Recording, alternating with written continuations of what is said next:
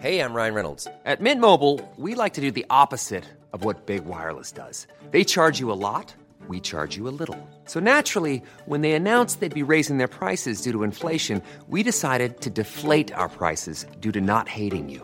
That's right. We're cutting the price of Mint Unlimited from $30 a month to just $15 a month. Give it a try at mintmobile.com slash switch. $45 upfront for three months plus taxes and fees. Promo rate for new customers for limited time. Unlimited more than 40 gigabytes per month. Slows. Full terms at mintmobile.com.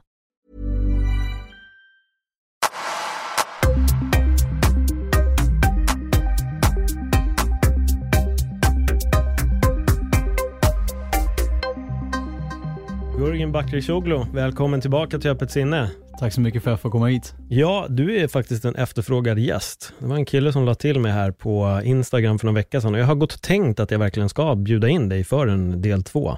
Men när han skrev till mig så kände jag, ja men då hör jag av mig till Gurgen direkt. Är det lyssnartrycket eller är det du som vill ha mig här först och främst? Nej, det är jag. Det är jag själv. Jag tyckte att vi hade en väldigt intressant diskussion och du, eh, alltså du är en intressant människa för att du gör ju någonting som alla kanske inte gör. Och det behöver nödvändigtvis inte göra en person intressant, men jag gillar personer som har intressanta tankar, har en intressant livsstil och då är det alltid kul att följa upp sen efter ett tag också och se så här, vad har hänt? Om det bara är en person som gör sin vardagliga sak, då kommer det inte ha hänt så mycket på ett år eller ett och ett halvt. Men här känner jag att, dels vet jag att det har hänt lite. Du har ju varit i Portugal, det har blivit en pandemi. Så då Herregud, vad är det som händer 2020? Vad fan händer? Vart är vi någonstans? det, det har varit ett otroligt galet år. Eh, Så jag känner lite så, jag vill nästan följa vid där, liksom, hur har dina tankar och känslor varit när hela pandemin drog igång? För, för när var det ni åkte? Ni åkte precis innan det verkligen så här började stängas ner va? Ja, alltså i, ehm, för, för att ge kontext till det här så är det i fyra år så har jag ju levt och um, rest i husbil tillsammans med hundar och flickvän och så här.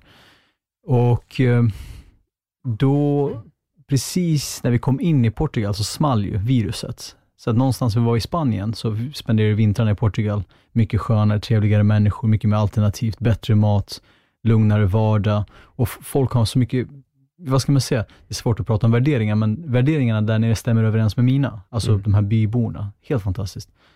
Så när vi kom ner dit, då bara allt under lockdown. Och jag fattar, det här, är så här, det har sagts en miljon gånger, så jag ska inte gå in på det, men det har varit en period då folk har haft tid att reflektera. Så jag märker inte om du har fått upp lyssnarsiffrorna eller inte under den här perioden, men ehm, jag tänkte att som, jag var nog fast i min genialitet, så jag var så här, ah, schysst, nu får liksom folk tänka efter. Ehm, hur, vad spenderar vi våra pengar på? V- vad väljer vi att stoppa i våra kroppar? Vad väljer vi att göra med våran tid?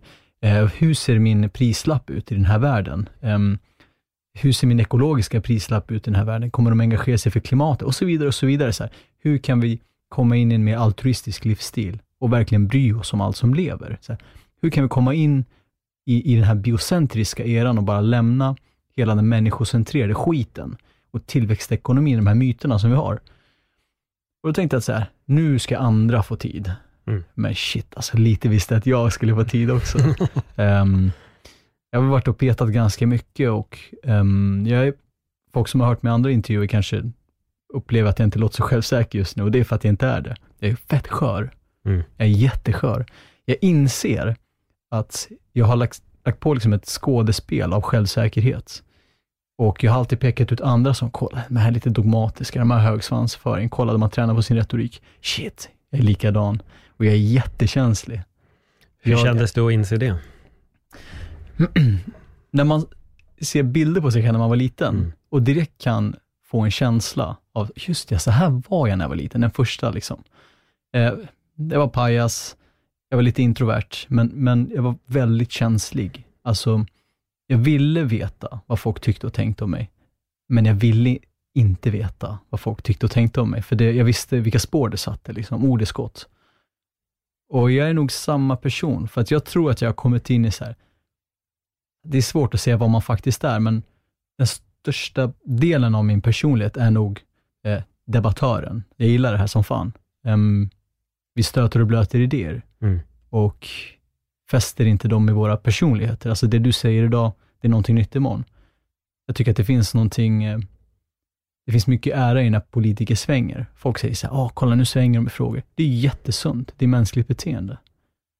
Och jag inser väl nu att så här, jag har, när man sitter och googlar på sig själv, alltså så här, man ser, jag, är man, ser man ut som mig, en chocolate boy, invandrare och hamnar på YouTube, då blir man alltid turk. Du blir laser, du blir fågel, du blir buss, Ja. du blir, ni fattar.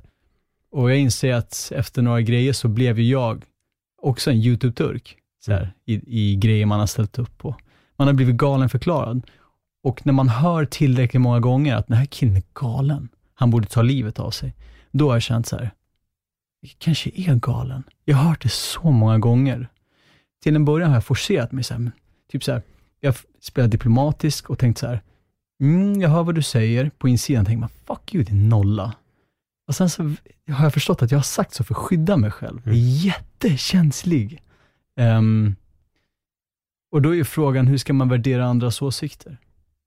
Eh, det har gjort att jag har sökt mig in till, liksom, ifrån, jag förhåller mig fortfarande minimalistiskt. Jag, jag tror fortfarande på en vegansk värld. Jag tror fortfarande på att vi måste, liksom, allting vi gör ska vara förenligt med klimatet i alla aspekter. Och någonstans, där, det har jag liksom inte, jag har försökt stresstesta det här, men det, det känner jag fortfarande att det här är det som är rätt för allt.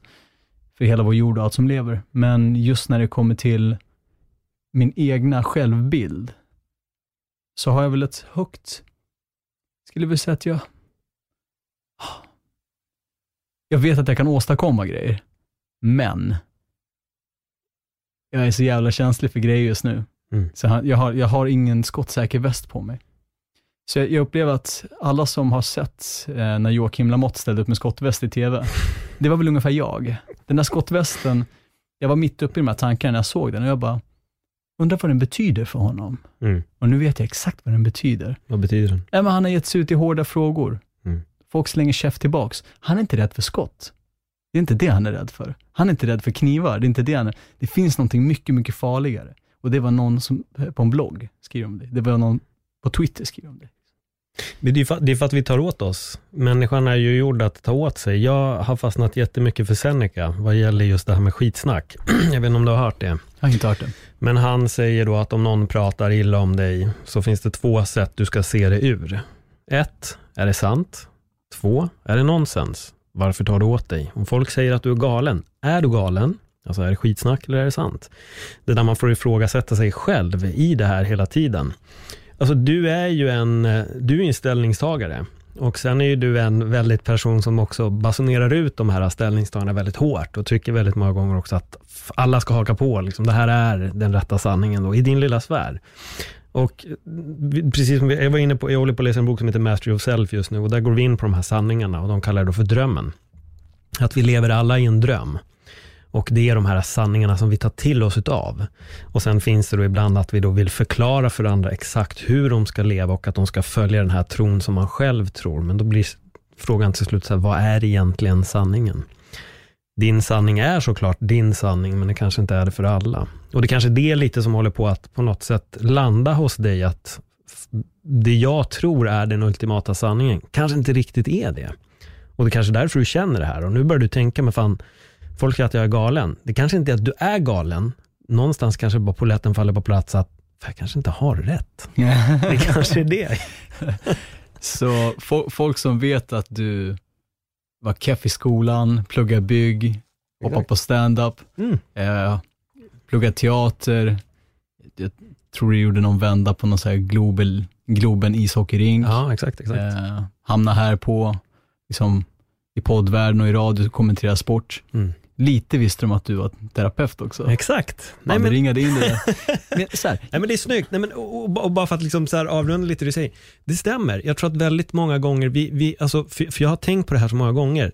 Tänk om jag hade trott på den sanningen. Mm. Som när min lärare säger till mig när jag är 13 år, du kommer inte bli något. Det här tycker alla i lärarrummet om dig. Du kommer inte komma någonstans.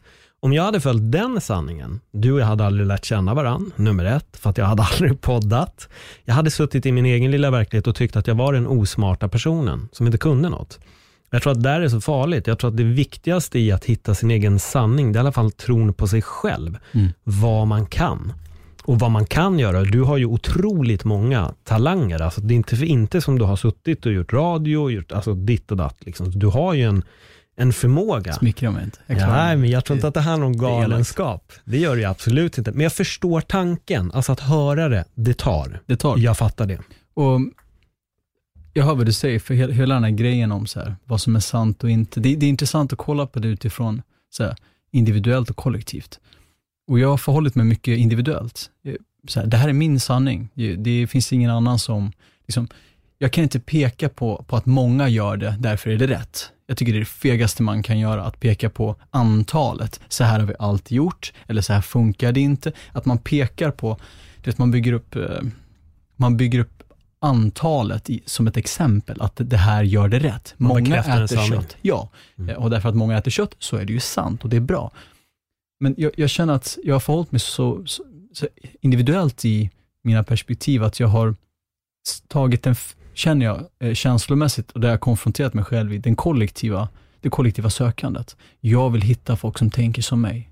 Mm. Jag vill att folk ska, jag vill hitta en stam. Alltså vi är sociala, va, sociala varelser. Jag ligger långt ifrån vad min biologiska familj tycker i alla frågor.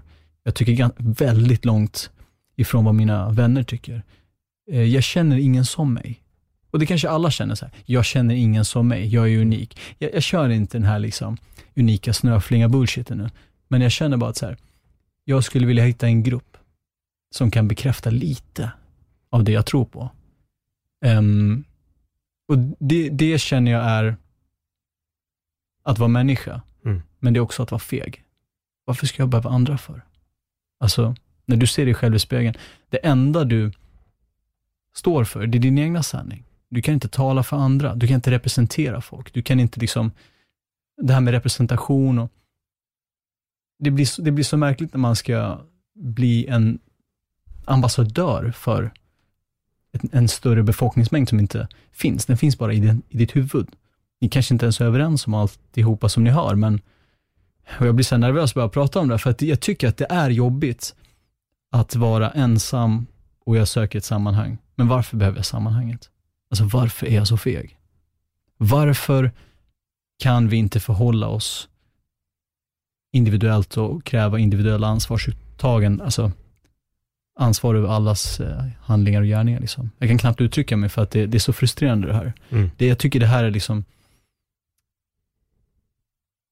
jag, jag, jag, finner, jag, finner, jag hittar knappt ord för att uttrycka det. Men jag det, tror att ordet är osägligt eller någonting. Det är att någonting är större än ord. Alltså att det är svårt, det är obeskrivligt helt enkelt. Den, den känslan du sitter på är obeskrivlig. Du förstår den, men den är svår att förklara.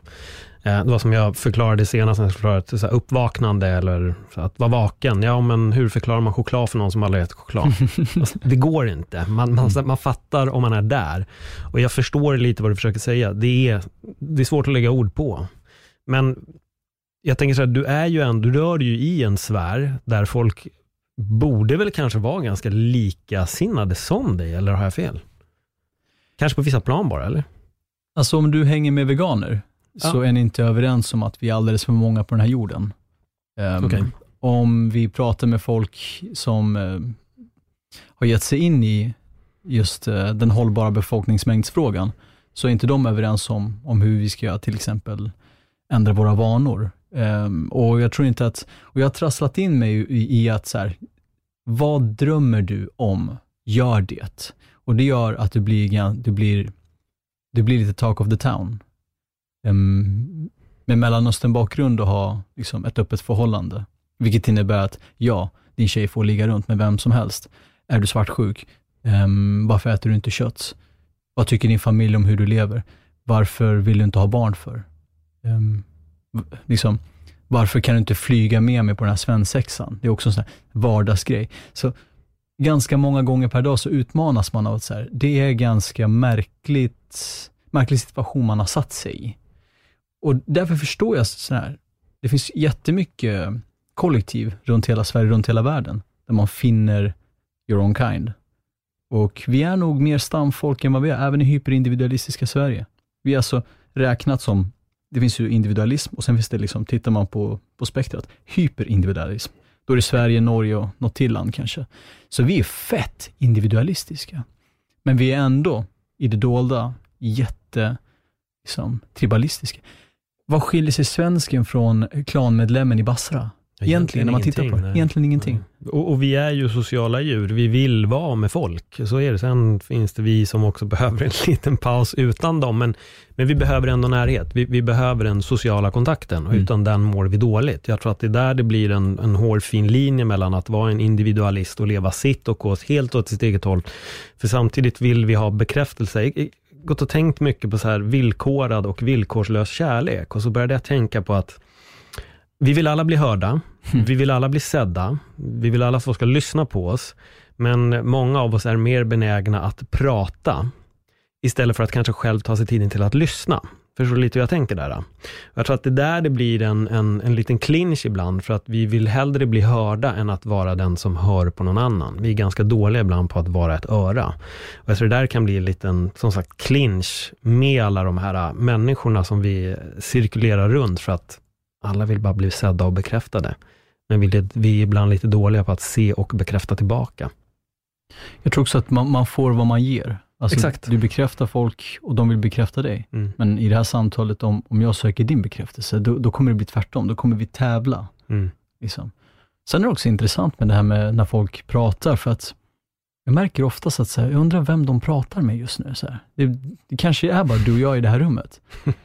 för att ehm, jag märker även på mig själv så ofta, jag bara, shit, jag pratar nog med mig själv nu. Mm. Alltså, typ om vi skulle byta ut Paul mot en skyltdocka, jag svär, jag hade inte märkt. Och eh, jag, jag försöker vara så medveten om det som möjligt, men det är det intressanta med så här, varför vi, och det är också så, alltså Dale Carnegie skrev ju en bok för nästan hundra år sedan, eh, Hur du skaffar vänner. Jag tror att den heter lite slarvigt som jag citerar boktiteln, men hans enda, för, för att det är liksom, den har lagt grunden till alla självhjälpsböcker. Och hans enda, liksom, det han bottnar i är just att, vill du bli omtyckt, bekräfta folk. Mm. Lägg undan dig själv, bekräfta, bekräfta, bekräfta. Och det kan man testa. Så kan man se att en person man har snackat med i typ en och en halv timme, eller egentligen en person som har snackat med dig i en och en halv timme kan avsluta en konversation och säga så här, gud vilket bra samtal vi hade. Bror, det var du som pratade. Jag satt bara helt tyst. Jag måste berätta, jag har för mig att du reagerar på det. Det här var nog för ett eller två år sedan, när jag åker taxi hem efter att ha kommenterat. Jag säger min adress, sen får jag höra hela livet från den här taxichauffören. Jag Taxichaufförer, de borde ha en Ja, podd. jag la upp massa videos när jag bara sitter och lyssnar, för det blev så roligt, för att jag ställde ingen fråga, men jag tror jag fick 200 svar av den här personen. Shit. Det var en äldre man, så jag förstår ju, han var pensionär men hade fortsatt jobba. Liksom. Och, och, och så här, jag har inget problem med att han vill prata. Jag lyssnade och sa ja, okej, jaha, och han berättade sitt liv. Och när jag kliver ut taxin säger han, alltså du är verkligen en av de trevligaste kunderna jag haft på riktigt, riktigt länge. Jag tänkte så här, men gud vad kul. Och så kände jag bara, att, fast egentligen har jag bara sagt ja Mm. till allt han har sagt. Jaha, okej. Han ville prata. Det hade inte spelat någon roll, som du säger, om det bara hade suttit en skyltdocka i bilen. Han hade öst ut hela sitt liv ändå. Han hade kört till en destination och pratat. Och det är väldigt intressant det där med folk, för att ibland så är det verkligen folk som jag tror, de, det, du har en poäng där, de pratar mer med sig själva, Mm. än vad de egentligen pratar med personen som är där. Utan de bara går från en grej till den andra, till den andra, till den andra. För att alla har ett behov av att bli sedda och hörda. Det kan finnas ett jättefint, någonting fantastiskt i att lära sig prata ordentligt. Alltså Mm. jag tycker att, jag beundrar inte amerikaner för mycket, men, men de lär sina unga redan i skolgången att sälja in sig själva. Alltså de är, det är helt fantastiskt hur de kan bara mata på en berättelse. De är riktigt duktiga storytellers. Mm. Men, eh, och även inom retoriken så tittar vi på hur vi ska framföra någonting. Pratar skitlite om aktivt lyssnande. Så här. Vad innebär det? Hur lyssnar du på en person? Liksom? Hur lägger du bort den här? Det gör du säkert i huvudet nu också, för det försöker jag sluta när du pratar med mig. Att det är så här, jag förbereder redan nu vad jag ska säga. Jag är 50% i min meningsuppbyggnad, men jag kan, så jag har liksom inte, jag kanske har missat ett antal procent för att jag förbereder mig, för att jag vill inte se ut som en idiot framför dig. Och det är så mycket av det där som landar i just det. Så jag vill inte se ut som en fucking clown framför den här människan. Liksom. Jag vill imponera på dig. Och sen så märker man liksom så här, ju mer man ska blåsa upp sig själv, hela samhället premierar det. Vi har vi har en tävlingsinriktad eh, livsstil här i Sverige. Det är konkurrensinriktat, det är individualistiskt. Liksom. Eh, girigt, du ska bli mer och större, du ska skaffa en egen lägenhet och mer pengar än Paul. För annars är du en tönt. och, och det gör att så här, jag, jag sitter och du sitter och alla som, alltså, i nästa konversation man kanske har nu, om man lyssnar på det, då kan man ju tänka så här, undrar hur mycket jag lyssnar just nu, eller sitter jag och, även om man ens tänker på den grejen, så lyssnar man inte heller, men alltså så här, det här aktiva lyssnandet är fan en konst, det är skitsvårt alltså. Det är så svårt, Jag vill ändå tro att jag är rätt bra på att lyssna, för jag väntar på, jag, jag, jag söker alltid efter en följdfråga i det du säger. Jag är så här, var, var, var, var är den? Det är därför jag inte har heller förberedda frågor när jag, när jag sitter Du med har dem. faktiskt ett helt tomt men, men tror du då att en, en duktig aktiv lyssnare kan ställa följdfrågor? Alltså en duktig aktiv lyssnare kan ställa frågor på precis det som har precis hört. Så här att okej, nu har, eh, nu har liksom Paul sagt det här och eh, nu, nu kan jag bygga vidare på det. För oftast är det så att jag har en boll här, bollar, och nu har du din tur. Och då kommer du bolla med dina egna, du spelar pingis med dig själv. Liksom. Mm. Nej, men jag, jag tycker absolut att jag alltid, eller jag ska inte säga alltid, men jag, jag söker alltid efter, alltså, som du vet, alltså, i min podd kan man få snacka i 15-20 minuter. Jag är inte poddmakaren som efter att du har pratat i två, bara åh lugn, nu är jag här, jag är programledare och nu ska jag bara bla bla bla bla bla bla bla bla bla bla och jag måste ut med mitt nu, bla, bla, bla, älska mig, älska mig kära lyssnare. tat, tat, tat, tat. Jag spelar in mina egna avsnitt och då kan jag sitta i 90 minuter och bara pumpa ut allting själv. Men för mig, alltså, jag var nära att döpa den här podden till Gästen i fokus, för att jag tycker att Sorry alla poddmakare där ute nu, men det finns otroligt många poddmakare som är så jävla dåliga lyssnare alltså. De hör en mening från sin gäst och sen är de redan inne på nästa fråga och jag jobbar inte så. Du kan få prata länge och antingen när du är klar, då får jag se till att komma på en fråga om jag inte liksom har hittat någonting där. Men jag läste en bok för många år sedan som av Mikael Ende som skrev eh, den kändaste, som, som folk kommer känna till av hans Den oändliga historien. Han har skrivit en bok som heter Momo också. Och Momo är en person som alla söker sig till för att Momo är så bra på att lyssna. Så de går till Momo, pratar och bara öser ut allt och så går de därifrån och säger alltid Momo du är så duktig på att lyssna. Grejen är bara att Momo säger aldrig något. De pratar bara. Och det är det som är hemligheten och det är där han också poängterar att, liksom, att lyssna, det är en konst som håller på att försvinna. Och jag tror att mm där är folk väldigt dåliga på att faktiskt lyssna på vad någon säger, att så här, höra. Och ibland så tror jag inte heller att man behöver ha ett svar. För det märker jag ibland när jag pratar med folk, när jag säger någonting och sen ska de komma med någon form av så här svar på det som jag har sagt. Men jag tror att ibland behöver man inte heller ha ett svar. Jag tror bara att det, ibland behöver man bara ha ett öra. Vissa människor behöver jag bara få säga mina grejer till och så behöver de inte komma med en så här, jag har löst ditt problem här. Utan de bara så här, ja okej jag fattar, jag förstår inte riktigt eh, vad jag kan göra men... Det ja, hade också blivit märkligt för att då hade det ju varit som att, så här, alltså jag, jag tycker att det är nyttigt att ställa frågor ihop. Mm. Ehm, men har man för många svar på alla frågor, har, är man det med svar, då är man också någon som, som, som vill göra det väldigt lätt för sig. Mm. Så jag tror att, och det är också mycket av forskningen bygger på just det. Ställ fler frågor än vad du har svar. Eh, och sen kan vi falsifiera det. Men jag tror också att, om vi ska ringa in det här i den svenska kontexten, Mm. vi, vi lever i en så här, frågor, svar, kultur. Hur mår du? Jag mår bra. Hur är det annars? Det är bra. Alltså, så här, det är luddigt att säga där jag kommer ifrån, men jag är ah, kurdarmenier från Kurdistan i, alltså norra Kurdistan i Turkiet. Och där är det mycket mer, med risk för att, liksom, du hade nog inte gillat det, för det är mycket monologmonster där. Mm. Man bara pratar, pratar. Ah, de hade blivit fantastiska poddare. Ehm, men så här, för där är det så att jag berättar någonting, typ en berättelse och du kan bli lyssnare. Sen var som helst, även i en buss kan folk börja prata om saker och det kan bli superintressant.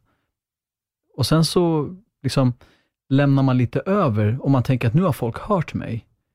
Och då liksom bygger de på fast med sin monolog, så det är jättelånga monologer. Om du gillar det här, svaren på 15-20 minuter och höra en grupp på 10 pers i, i tur och ordning komma och bidra till det, liksom, då åk ner dit och skapa en podd alltså. Jag behöver lära mig språket först. Annars hade jag bara suttit där och jag fattar ingenting.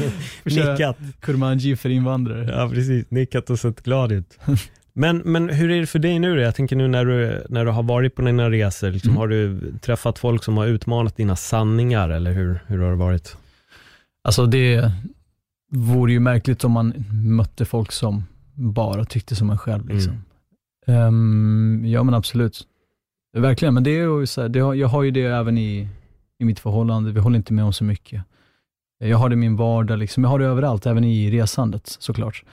Just resandet är ju så nyttigt som människa, för jag tror att någonting hände med oss när vi blev bofasta som människor. Jag tror att, eh, tittar man på, jag, alltså jag, jag lever på att göra en hundpodd. Jag, du borde skaffa hund och joina min hundpodd. um, hundpodden Vår bästa vän, en shoutout till alla hundmänniskor. Mm.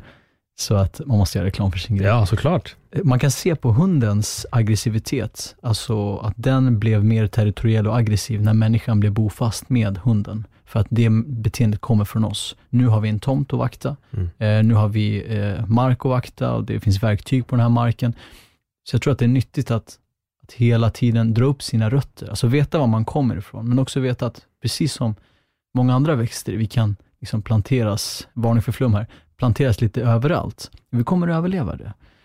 Men att finnas på en och samma plats, det tror jag inte riktigt på om det är så att man vill matas med intryck. Alltså jag, jag tänker mig att man, det finns någonting nyttigt med att se livet lite grann som ett korallrev. Man, liksom, man, man, man, man är en del utav det och bara tar emot det som kommer emot en. Så, så här. Och Sen kan man filtrera ut vad man tycker om, tycker mindre om, vad man har för uppfattning om saker och ting. Liksom. Um, men att bara sitta i sin egna lilla kontext. Det finns många säkert som lyssnar som kommer från små hålor, som jag själv, i norra Uppland, där jag är uppväxt. Och då är det så här, du upplever inte så mycket. Många av dem jag växte upp med stannade kvar. Några blev nazister, några skaffade barn. Folk som skaffar barn och nazister har förmodligen ingenting med varandra att göra, men ni fattar vad jag menar. Liksom. Och jag tror att när man bara ser sina fem kvarter, det måste vara jättetryggt, det måste vara superhärligt. Jag har inte tid att tänka på sånt där larv och vad är meningen med det här och varför, vad är verkligt och inte och, liksom, och vad är gott och ont och vad är bra och mindre bra. Liksom. Nej, skit i väl jag. Jag har mitt lilla här. Jag har byggt upp min egna lilla verklighet inom det här hemmet. Liksom. Jag behöver inte se någonting. Jag tror, svårt att säga vad som är bra och dåligt för allt och alla, för det vore sjukt. För min egna del skulle jag säga så att det är ingenting jag tror på. Jag tror att det där begräns skulle begränsa mig, alltså mentalt, psykiskt, intellektuellt. Jag skulle aldrig ha träffat dig, jag skulle aldrig ha flyttat till Stockholm. Jag skulle, jag skulle minnas, alltså jag skulle bli som den här Karl Oskar och de här i Utvandrarna, som typ såg så 40 människor om året max. Jag säger inte att man ska se 400 000 människor heller, för det är också sjukt, för att vårt moderna samhälle är också sjukt. Så att, eh, men jag, jag tänker att, att hela tiden utsätta sig för nya platser, nya lukter, ny mat, eh, ny lokal, inte kultur, lokal kultur. Den är mycket mer intressant än nationell kultur, för jag, det vet jag inte vad det är för någonting. Det måste man fan gå igenom. Men känner du att du har glidit in på någon form av nomadliv istället för liksom minimalism? För de går ju lite hand i hand. Skillnaden är bara att nomad är ju på resande fot hela tiden och lever i princip ur sin ryggsäck. Verkligen. Alltså, kan man bära allt man äger, så kan man också resa jävligt långt och billigt på det. Så jag, jag tror väl att det har lett in på, det finns skitmånga som pratar om minimalism, men som också eh, gör det på ett oansvarsfullt sätt. Typ så här, nu äger jag så pass lite så jag kan flyga runt hela världen och nu äger jag så pass lite att jag kan göra det här och hit och dit och så här. Det kommer inte med ansvar. Jag tycker att vill man ge sig in på vad minimalism som en eh, ideologi som har lika många tolkningar som det finns, eh, vad ska man säga? Tolkningar på Bibeln. Ja, verkligen. Liksom. nu har vi liksom inte olika förgreningar. Vi har Nej. inte katolska, liksom, minimalister, protestant, ortodoxa. Så. Men jag tänker att om man kan själv ringa in vad minimalism betyder för en själv. Mm. Först börjar det nästan alltid materiellt. Vad betyder någonting för mig? Vad betyder inte någonting för mig? Um, vad medför värde? Uh, vad äger jag och vad är det som faktiskt äger mig? Så Tyler Durden-referens där från Fight Club. Alla drar den, alla mm. minimalister kan den. Men um, jag tänker mig att man måste ge sig in lite mer i det så här, i mental minimalism, kalenderminimalism, eh, teknologisk minimalism, Liksom, all, alla aspekter. Varför har jag ett fullt schema? Varför har jag läst så här många böcker? Många säger så här, jag blev minimalist så jag kunde läsa böcker. Vad för böcker läser du? Alltså, det är fråga nummer två. Vad läste du av? Vad, vad lärde du dig av alla de här böckerna? Det är kanske fråga nummer tre. Um, vad är syftet med att läsa så himla jävla många böcker? Kanske fråga nummer fyra också. Så här, fråga så många frågor som möjligt. Du behöver inte ha svar på dem, men bara de lever i huvudet, så tycker jag att så här, det leder till en fantastisk beteendeförändring. Men att man måste bli bättre på Folk undrar alltid så här, hur blir man en bra journalist? De ställer bra frågor. Och det är inte så här, det är inte att de har grävt igenom din bok här, deklaration, senaste inkomstdeklaration, om du har betalat den här, liksom, om du dragit av den här företagsbilen eller inte. Hur, var, varför, Mm. när? De här kan man ställa till sig själv. Liksom. Och det är så jävla lätt. Eh, förlåt, nu babblar jag ihjäl det här nu. Nej, men nu undrar jag, vad är din tolkning av minimalism? Hur, hur, hur tolkar du den? Ur ditt perspektiv? Mitt perspektiv är att så här, äga det absolut mest nödvändiga i sitt liv. Visst, kepsen jag har på mitt huvud har inte till den. Jag såg att du tittade lite grann. Jag började direkt studera, vad har han egentligen på sig? Eh, men det blir svårt i varma väder om man inte Ja. skyller huvudet. liksom.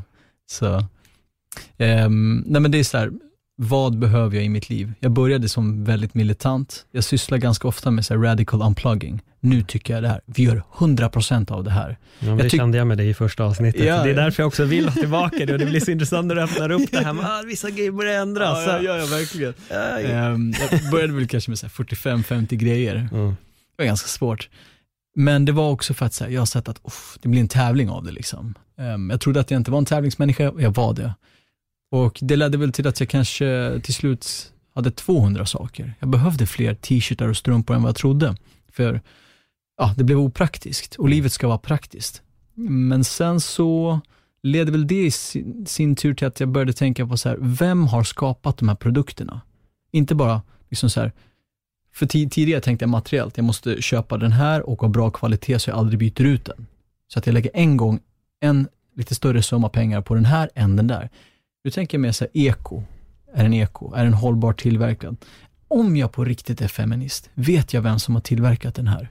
Om jag tror på så här barnens rättigheter i samhället, om jag tror på att flickor ska ha rätt till skolgång, varför köper du skit från H&M? Hur bra kvalitet den är? H&M kan dra åt helvete. Kappahl kan dra åt helvete. Fast fashion kan dra åt helvete. Alla de här företagen kan dra åt helvete. Liksom. De kommer inte med någon så här, eh, helhetsperspektiv. Jag tycker att vill man ge sig in i minimalism, tycker man att det låter intressant med att äga så lite saker som möjligt. Det finns många som bor på Östermalm, 200 kvadratmeter, med typ så fyra möbler. Bara, Jag är minimalist. Det är också en tolkning. Jag säger inte att det är rätt eller fel, men jag tycker att man ska titta så holistiskt på det. Vem får mina pengar? Varför ger jag mina pengar till de här?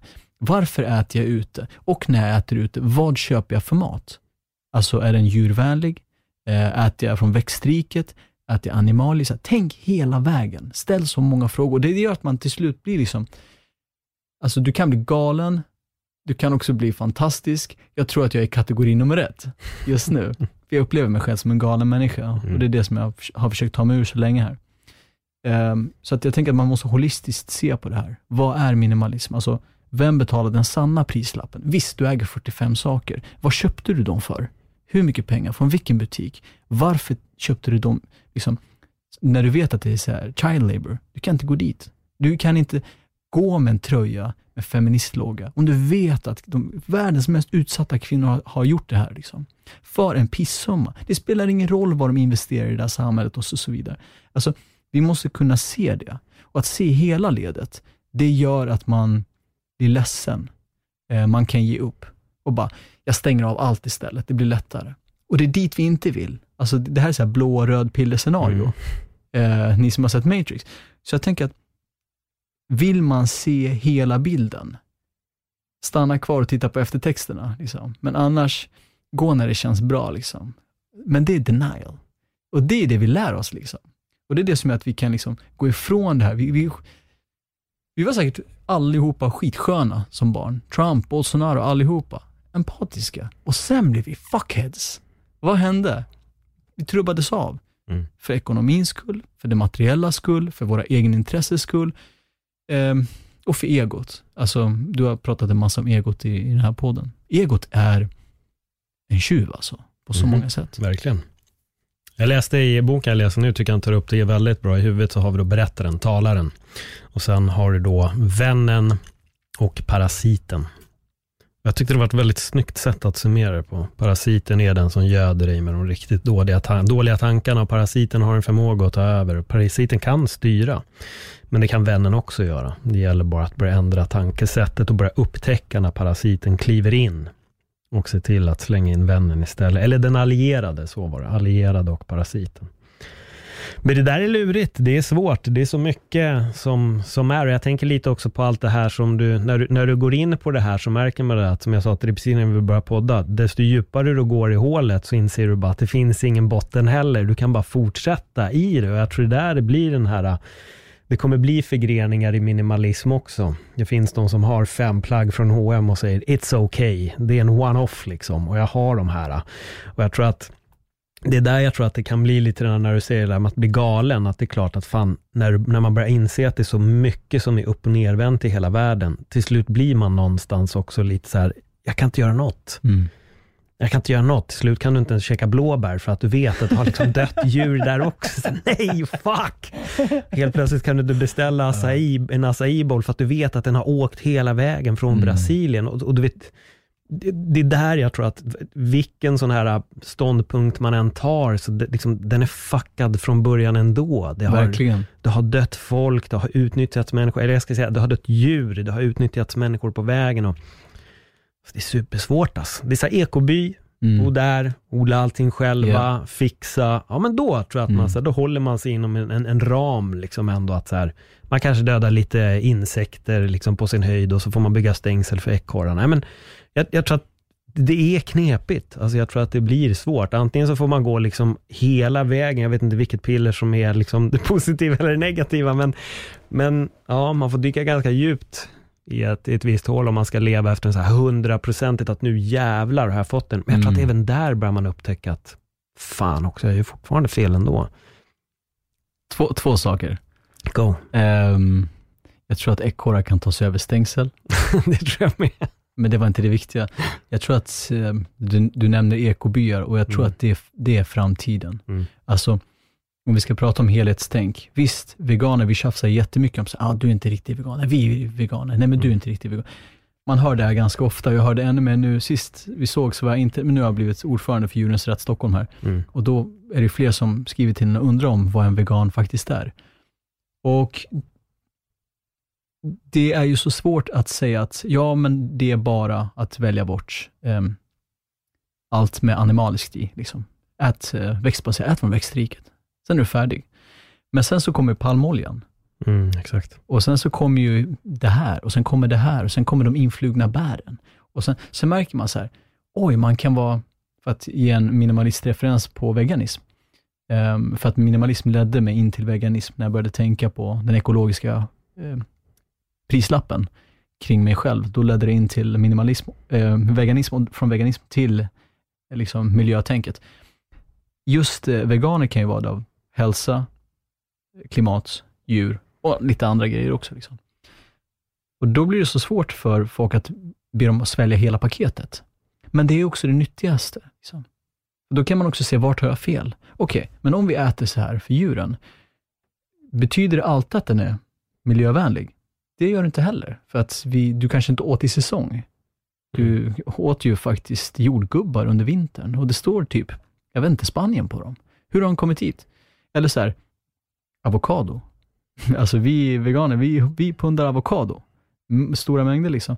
Vi är inte de enda som äter det. Alla som köttäter äter också avokado. Men jag menar bara att, hur kom den hit? Mm. Genom en liksom, alltså hur? Vi alla vet ju hur han kommit hit också. Liksom. Så jag tror att när man tittar på det hela vägen och ställer alla de där frågorna, att det blir knepigare. Men när det blir knepigt, när man gör det svårt för sig själv, då, då är det på riktigt. Mm. När man gör det lätt för sig själv, när man ska ta den lätta vägen ut. Skit i det där, tänk. Alltså, jag har ju tagit ut nästan alla mina pengar från investeringar. Um, placerat dem i så etiska pensionsfonder och mycket mer så här. Och jag märker nu när de bara sitter på ett konto och väntar, alltså nästan hela, hela min framtid, och den växer inte de här pengarna.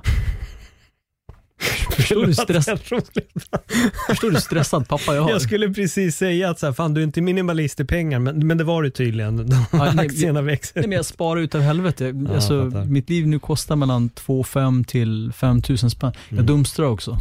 Så att det, folk kastar alltså ni förstår inte hur mycket. Ja, för det där vill jag verkligen Ah, okej. gå, gå in på. Det, det var en, en tanke som jag Vad hade du för skulle tanke? komma till. Nej, jag är bara nyfiken på den. Jag, jag vill höra din, din story om den. Om dumstrandet. Men jag vet inte om du var klar med den, den grejen. För, för jag vill bara, jag jag är lyssnade, klar på när en, du är klar. jag lyssnade på en person som var, han hade varit vegan men han. Han hade gått tillbaka till att äta ja, men kött och, och annat. Då. Men det han sa var att, jag vet inte var han hade varit, någonstans i Asien och så satt han där med någon form av vegan bowl med massa grejer som var inkört. Och så hade han suttit och tis- tittat på den lokala fiskaren som sålde fisk. Och helt plötsligt hade han börjat ifrågasätta allting som egentligen låg på hans egen tallrik. Att så här, fan, det här kommer därifrån, det kommer därifrån, det kommer därifrån. Och då, då kände han bara att han stod egentligen bara och kränger en fisk. Och där började han ifrågasätta sig själv väldigt mycket. Att det han trodde var rätt, kände han, det blir ändå fel. För att, precis som du var inne på, vi ska ju leva efter så här, säsongens primörer. Liksom. Men helt plötsligt har vi då en avokado från ena delen och du har en jordgubbe från en annan och du har acai från Brasilien och så har du, ja men det kan ju bli hur snurrigt som helst i det där och jag tror att många gånger har folk den här tanken av att fan vad jag gör bra nu som käkar det här och sen är det så här, fast oj, transportsträckan, ah, det var ju inte så jävla veganskt kanske, Mm. eller liksom miljömedvetet och hur gör jag då? Ah, käka morötter bara kanske inte är sjukt kul, morot och potatistallrik liksom. Men det är den eviga kampen tror jag, vi kommer alltid ha de här frågorna. Ja, verkligen. Sen så, så här, till veganers försvar, eller veganisms försvar, jag tror att även det som kommer med högst miljöutsläpp fortfarande har lägre än just eh, den animaliska maten. Men jag tror att det finns en poäng i att äta närodlat, eller till och med det som håller på att utvecklas härodlat. Just att man själv odlar sina grejer. Men har du inte läst om det här med valarna som blir påkörda av fraktbåtar? Är det um, en konsekvens av transport? Ja. Ja. Att de blir, de blir påkörda, många dör under de här, Mm. bara att de åker. De blir påkörda liksom. De, de blir, Det sugs de in förmodligen en massa fisk i, Ja. i motorerna. Alltså hur den gör det, in the long run, du kommer Mm. döda någonting. Mm, Eh, och det är för att vi har fuckat upp den här jorden så hårt. mm, Och vi inte kan tänka lokalt. Så att, men jag tror att så här, vill man... Visst, man har medvetet valt bort ett dött djur på sin tallrik, men vad kostade den här växtbaserade maten? mm, Den kan ha, även om du har köpt den från, den är odlad i Värnamo, den här kålroten, på vägen hit till Stockholm, där vi sitter just nu, kanske lastbilen drämde på en stackars, ett stackars rådjur. mm. Hur veganskt är det? I det långa loppet är det typ helt omöjligt att vara vegan. Men jag tror att här, om du kan sträva efter det, så är det beundransvärt. Mm. Att försöka göra så många rätt som möjligt. Alltså, jag blev så jävla upprörd. Sist vi sågs hade ju inte Petter Stordalen gått ut med det här. Han, han rev ju ner liksom applåder och Skavlan när han sa att, för att då hade han ju, han hade ju sagt så här, jag ställer mig bakom Greta och alltihopa. Det är så här populistiskt, liksom. alla är bakom Greta. Man bara, det, det säger du och i nästa andetag hoppar du på ditt privatjet. Liksom. Och han var i den kategorin. Mm.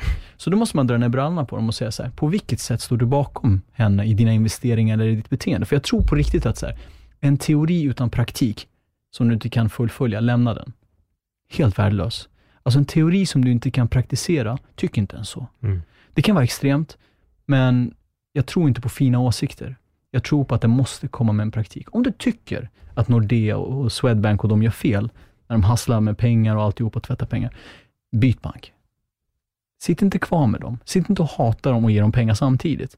Så att vi har jätte, jättemycket makt, vi individer, mer än vad vi tror. Men vi har inte all makt. Min poäng med Petter Stordalen, sorry, Mm. kaffet har slagit kör. Det är att så här, han, hans försvarstal och hans punchline, den inövade, när han eh, då gick ut och sa att han hade precis investerat pengar i Norwegian och han stod bakom Greta, då säger han så här, hellre dubbelmoral än ingen moral. Och varenda jävel kunde känna igen sig i det. Ja, jo. Och jag förstår om han försöker beskriva den komplexa människan som försöker göra alla rätt. Mm. Men om den komplexa människan som försöker göra alla rätt också gör alla fel, vem är den där människan? Alltså, vem är den människan? Den människan med den summan pengar. Den människan med det, det inflytandet. Alltså, att skryta om sitt hycklande och få applåder för det. Kritisera den personen. Han skulle sitta där och kritisera sig själv. Han skulle säga så här, jag hade, jag hade applåderat om han sa så här, ja det där är saker jag tycker, men jag tycker, jag tycker faktiskt mer om pengar. Jag hade ställt mig upp och applåderat honom. Mm. Tack för att du är öppen med din girighet.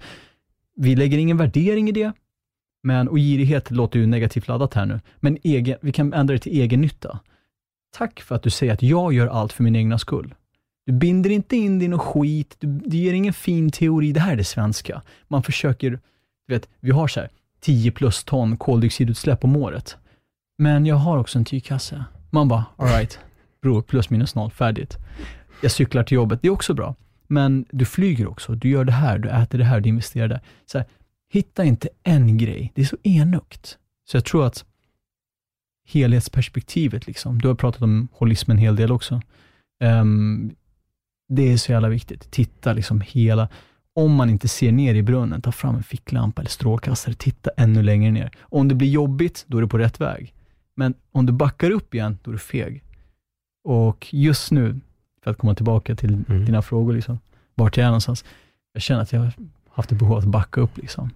Att det, det har blivit jobbigt. Att det kommit in i frågor som så är det här på riktigt? Sitter jag i en VR just nu? Vad är sant och inte liksom? Verklighetsfrågan, den är skitjobbig liksom. Den är det. Den är det, den är komplex. Det är drömmen, som de säger i Toltekerna. drömmen vi lever i, det är din sanning just nu som du har. Men det, jag, jag tänker lite vad, vad, om vi tar så här, det här, men som till exempel du kör, ja men de kanske kör på en, en ren eller vad det var du sa för djur då. då. Va, vad blir då egentligen skillnaden på en person som skjuter ett rovdjur eller något, ett djur ute i naturen och lever på det djuret länge då? Mm. För då blir det ju på ett sätt, som du sa, plus minus noll. Yeah. Det är ungefär samma liksom. Alltså folk som eh, grottar ner sig i etik och moral.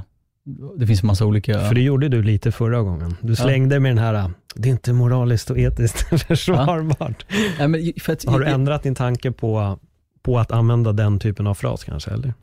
Alltså vad som är etiskt och moraliskt försvarbart. Ja. För att det, det, är det enda jag tycker att man ska titta på. Så, mm. så vad är medvetet och omedvetet? Alltså, eh, jag tycker om dig, men jag kan råka säga någonting som sårar dig. Mm. Och eh, då var inte det medvetet. Men om jag medvetet sa det till dig, då hade du förstått att min intention var att såra dig. Eh, är det här flummigt? Nej, jag fattar det exakt. Så, så jag tror att jag, eh, alltså visst, jag kommer att ta tåget härifrån ut i skogen igen, till tältet. Jag bor inte i tält nu, men jag menar bara att de hundarna och flickvännen väntar där. Det tåget eh, finns där på den tiden för att sådana som jag vill åka den här tiden, det kanske drämmer på någon stackars djur. Vilket betyder att jag är medskyldig till det. Men har jag tagit fram, har jag gått jägarexamen, har jag tagit jägarexamen, köpt mig en bössa, gått ut och knäppt ett djur och sagt, det här behöver jag. Det har jag inte gjort. Men som människa kommer det med ett lidande konstant.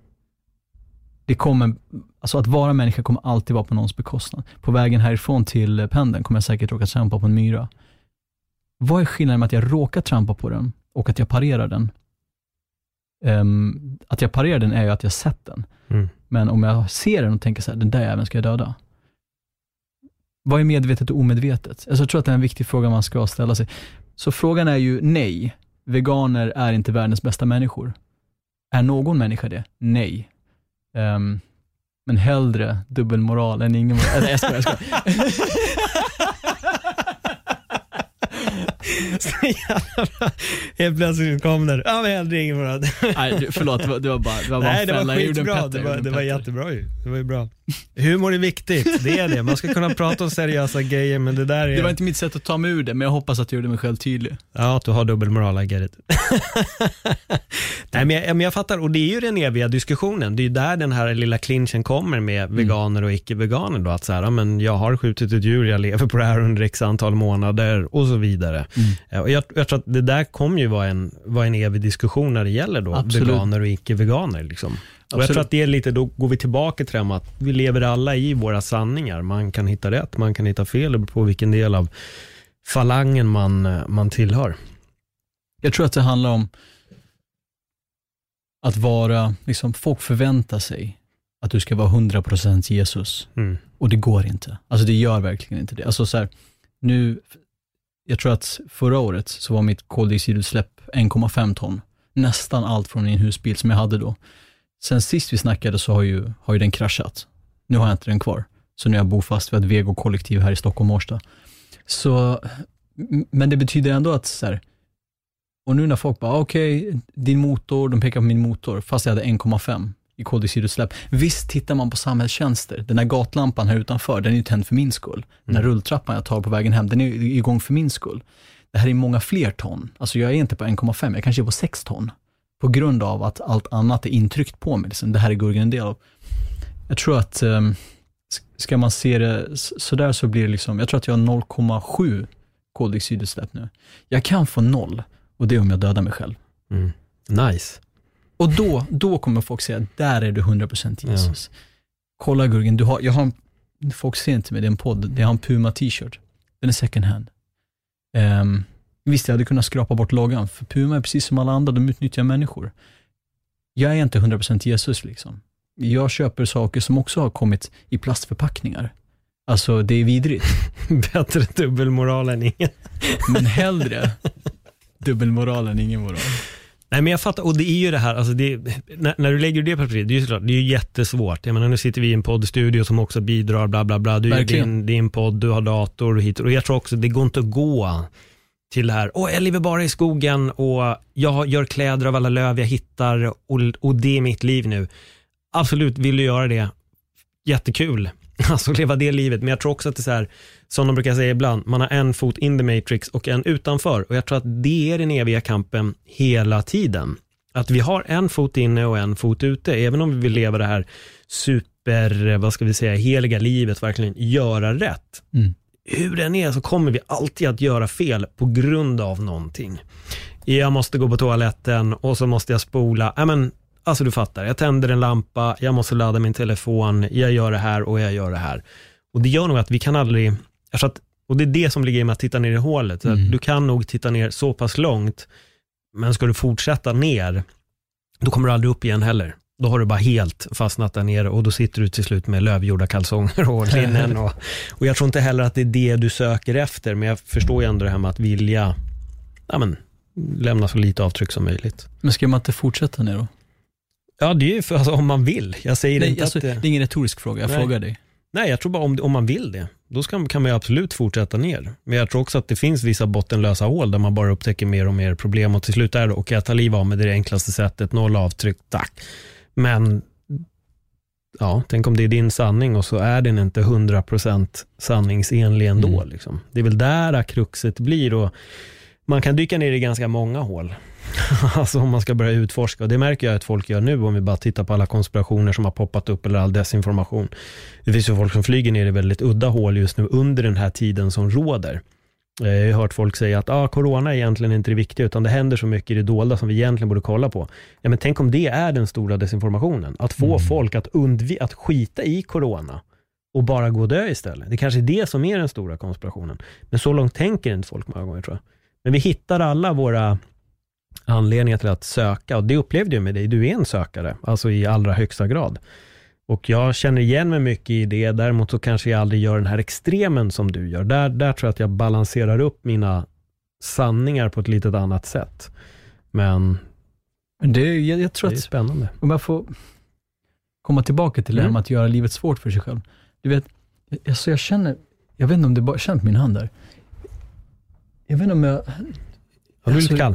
jag, jag blir, jag är en varmblodig kille för att jag är en varm kille, alla älskar mig, jag skojar. Nej, men alltså, så här, jag är varmblodig men så fort jag kommer upp i de här tankarna, jag känner hur jag tappar. Jag känner hur jag tappar, liksom, hur jag blir kall i fötter och händer. Mm. Det är som att jag, alltså vad är skillnaden på, på att mentalt utmana sig själv och psykiskt ifrågasätta sig själv och att gå på en lina?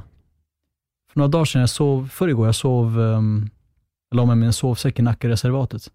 Och så såg jag så på natten att det var någon som drog upp en lina mellan två klippor. Och jag bara, wow, fan. Började fundera på det skitmycket. Så här. När, när jag såg att de gick där, då kände jag så här, samma grej i mina händer. Alltså det här, det, jag vet inte om det är flyktbeteende, det är kanske någon som kan förklara det här bättre. Men nästan så här att nu kommer jag dö. Typ så här. Varför är det så att jag blir kall i fötter och händer? Och det, när jag ser dem där, så tänkte jag så här, vad fan, det är exakt samma känsla jag får som när, när, jag, tar, när jag tar väldigt djupt ner. Och man konfronterar sig själv, varför är jag som jag är för liksom. Ehm, Men känner du att du har jagat de här frågorna för mycket? Har du gått för djupt? det är det jag undrar. Ja. Det är det jag undrar, hur långt kan man ta det? Brorsan, vi har använt eh, rabbit hole, ganska Mm. många som ett uttryck. Mm. Vilken Disney-film var det nu igen? Alice i Underlandet. Alice i Underlandet. Ehm, han brukar använda det ganska ofta, säga sluta springa ner i det där jävla kaninhålet. Liksom. Mm. Och jag upplever att jag, jag tror att jag kan, eh, kan vi göra en uppföljning om något år? Ja, det är klart. För jag vet inte om jag är beroende. Mm. Jag vet inte om jag är beroende av att söka. Det, jag beundrar jättemycket folk som bara kan stänga av och göra som alla andra. Det som passar alla andra, det måste ju passa mig, eller hur? Mm. Någonstans önskar jag att det, det hade passat mig också. Ehm, Men det är inte du. För där känner jag igen mig själv, fast ur ett annat perspektiv. Det här typ att vilja på något sätt ta det här vanliga jobbet bara. Sen får man tolka den, det jobbet hur man vill. Eh, men när jag har testat det och inte varit den kreativa personen, så Mm. funkar det ungefär en månad, två. Sen blir jag galen av att försöka leva det här på något sätt. Brist på bättre ord, det är helt vanliga livet. Eh, och jag tror att du har den också, men det går åt ett annat håll för dig. Men däremot om vi säger så här då, om du skulle bara pausa att gräva i de här frågorna under ett tag. Om du skulle söka dig till en helt annan typ av information. Om du kanske bara skulle börja utforska så här, dig själv ett tag. Läsa den typen av böcker istället. Typ The Mastery of Self som jag redan har pratat om. Eller någonting som, som gräver lite bara på en själv. Den kommer ju ta upp alla de här frågorna också. eh, på ett sätt, för du börjar ju gräva dig själv. Men bara att om du skulle börja söka dig till en annan typ av informationskälla Mm. under en period och se vad det ger dig. För jag vet själv, jag kan också gå djupt i väldigt mycket om existentialism, om, om varför vi lever och hit och dit och, och ett medvetande och bla bla bla. Och det kan ju i vissa omgångar bli jävligt tufft när man sitter och läser om det för mycket. Så blir det så här, okej, nu håller min hjärna bara på att brinna upp helt av alla de här otroligt djupa frågorna. Men då tar jag en paus. Jag tror att jag är ganska duktig på att så här, nu har jag grävt i det här tillräckligt och nu går jag över till någonting annat och nu fokuserar jag på det här en stund och sen går jag till det. Och sen kan jag gå tillbaka för då har också vissa grejer landat. hur, jag vet att du ställde en fråga till mig nu, men det, jag, Vi har gått vidare redan. vi, vi har gått vidare. redan. Ehm, när ska man stanna då? Alltså när ska man stanna i, liksom, ner mot, man letar efter botten, vad finns där Ja. längst ner? Det kanske inte finns någonting. Jag tror inte den finns. Det var Det finns lite det inte. jag sa till dig Ja. sist, att jag tror inte att det finns. Det är en bottenlös, eh, det är ett bottenlöst kaninhål. Det finns inga kaniner där nere. De har Nej. grävt någonting, men det finns inte kvar. Så hela, hela det här, ehm, jag, jag ska go- googla den här boken som du pratar om. Mm. Jag, jag har också läst, det är en hel industri, självhjälpsindustrin Mm. alltså. Eh, herregud, det är samma sak som sägs hela tiden känns det som. S- så jag undrar så här, hur, vi utsätts för jättemycket brus. Vi hör jättemycket folks åsikter. Det finns ingen brist på information i, i den här, nu när vi spelar in här 2020, det finns ingen brist på information. Ehm, när ska man lyssna på sig själv som sin enda sanning? För att nu har jag lyssnat på, jag tar in alla motargument ehm, hela tiden liksom. Och sen går jag till mina källor som bekräftar mig.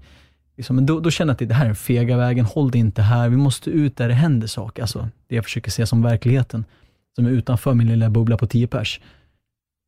Men när ska man sluta lyssna på folk? Och bara så här, men det jag säger nu till mig själv, att du är på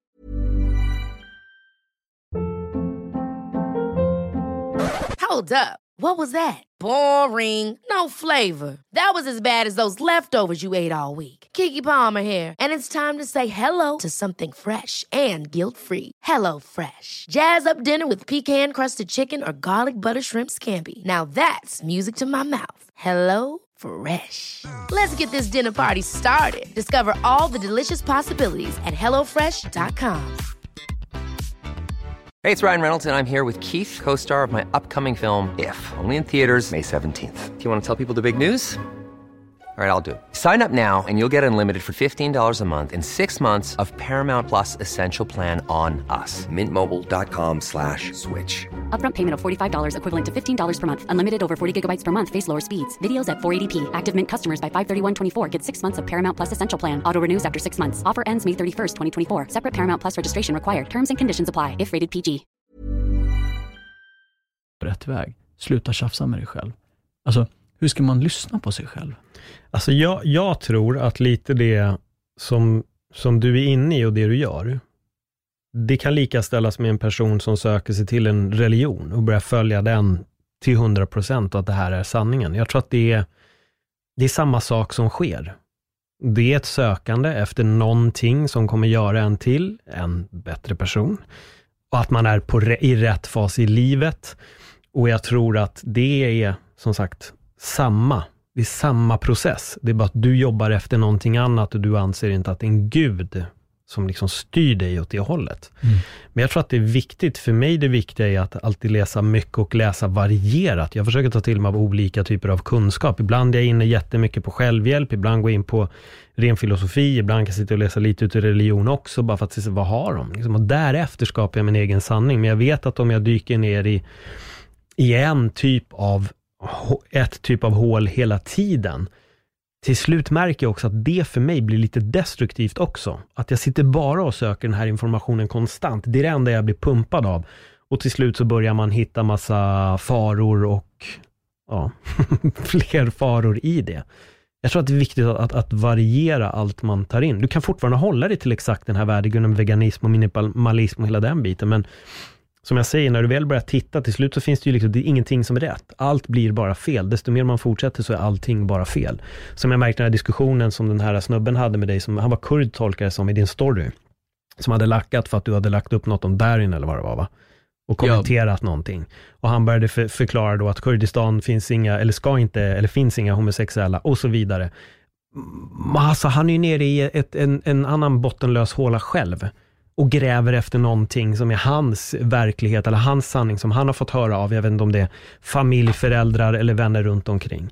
Men i, i, hans lilla verklighet så är det ju så. Men den är ju, för oss andra som inte tillhör den, tycker vi bara, bro, du är ju helt galen. Mm, verkligen. Hur, hur tänker du här?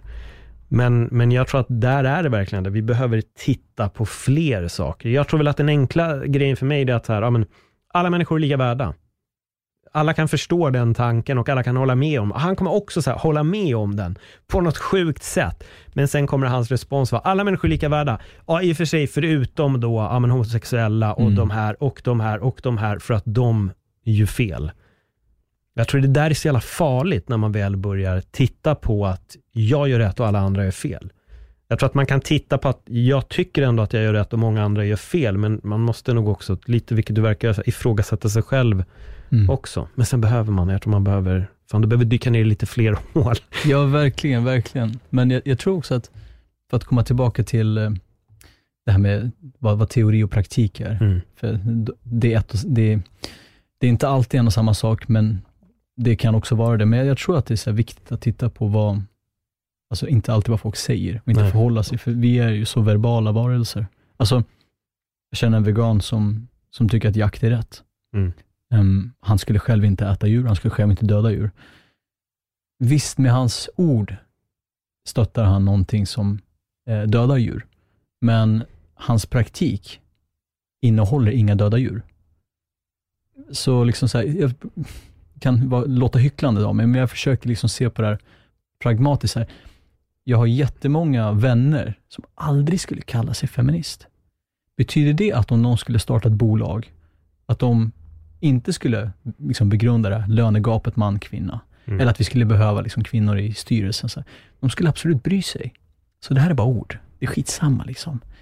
Alltså, det finns folk som tycker att, så, ja men, ah, det här med liksom, folk får vara precis vad de vill och så, sådär. Um, det, det, är så man brukar förminska rättighetskamper.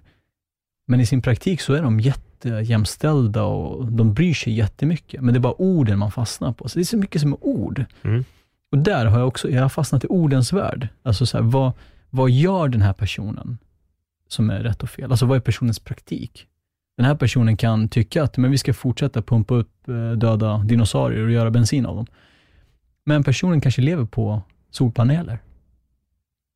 Så vad ska jag tycka om det här? Det här var ju dubbel som fan. Liksom det, det blir, och verkligheten är så här komplex.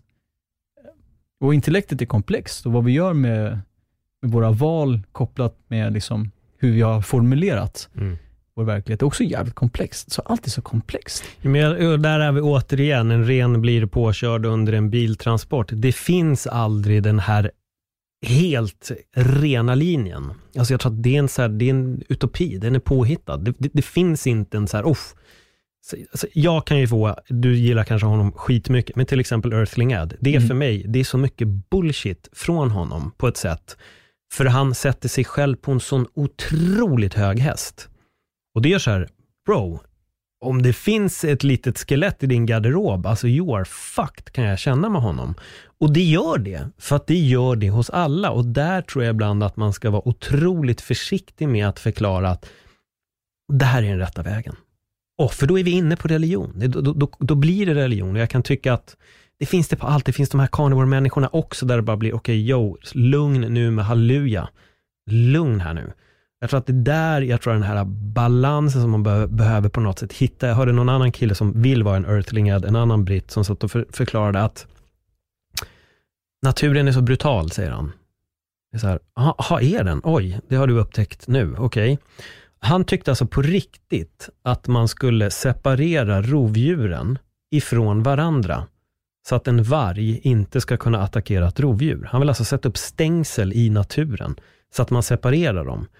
Det för mig blir bara ren galenskap, för då, då går du in och ändrar någonting som, du kommer ju förstöra hela ekosystemet på det sättet också. Alltså tyvärr, djur kommer äta djur. Jag tror inte att det, det går inte att stoppa. Och jag tror att det, hur vi än vrider på den här ekvationen så kommer vi alla göra fel. En val blir påkörd och så sitter man där och njuter av en acai och så liksom, det finns inte det perfekta. Därför tror jag man ska vara försiktig med att sätta sig på den här, jag har sanningen, this is it, följ mig nu folket, så kommer allting att bli bra. Mm. För jag tror inte att det kommer det och jag tror att det där det till slut också kanske blir lite som det blir för det. Att till slut börjar man ifrågasätta, vad fan, shit, jag har trott att jag satt på en, den ultimata sanningen, men jag, jag, jag kanske inte gör det längre. Men det är ju bra, det är inte galenskap, det är också faktiskt, det är en insikt som jag mm. sa till dig innan vi började. Det är också ett sätt att se att fan, jag, jag har nog inte svaret och jag tror att för mig, som jag upptäckte för en jävla massa år sedan, är att de svaren jag trodde att jag hade, de finns egentligen inte. Det var otroligt mycket hittepå för mig. Jag, hade, jag har hittat på och rättfärdigat mina sanningar och sen helt plötsligt står jag bara där naken och känner att oh, okay, mm. ingenting jag egentligen har stått för stämmer. Så vad kan jag göra? Här kommer en fot i the matrix och en utanför och bättre att ha dubbelmoral än ingen moral. Jag måste slå ett slag för Earthling. Jag, jag, jag gillar ju honom. Ja, jag vet vad du gör. Ja, visst är jag det. ser vad du gör. Um, nej, men um, utan att gå in på det, du har fel i allt du precis sa.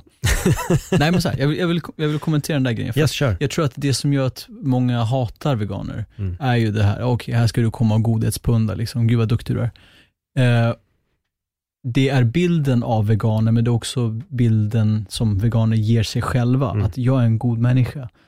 Och, och tror att man gör, alltså återigen, 100% Jesus. För det var ett utifrån perspektiv när jag beskrev det, så att tro inte att mm. veganer är 100% Jesus. Um, och ja, det finns veganer som tror att de är 100% Jesus, men jag tror att man ska inte titta på rätt och fel. Uh, jag tror att man ska titta på mer och mindre. Alltså så här, när jag äter min växtbaserade mat, kommer den här helt utan lidande? Det tror jag inte. För att när de skördade, så det var förmodligen massa insekter som åkte med.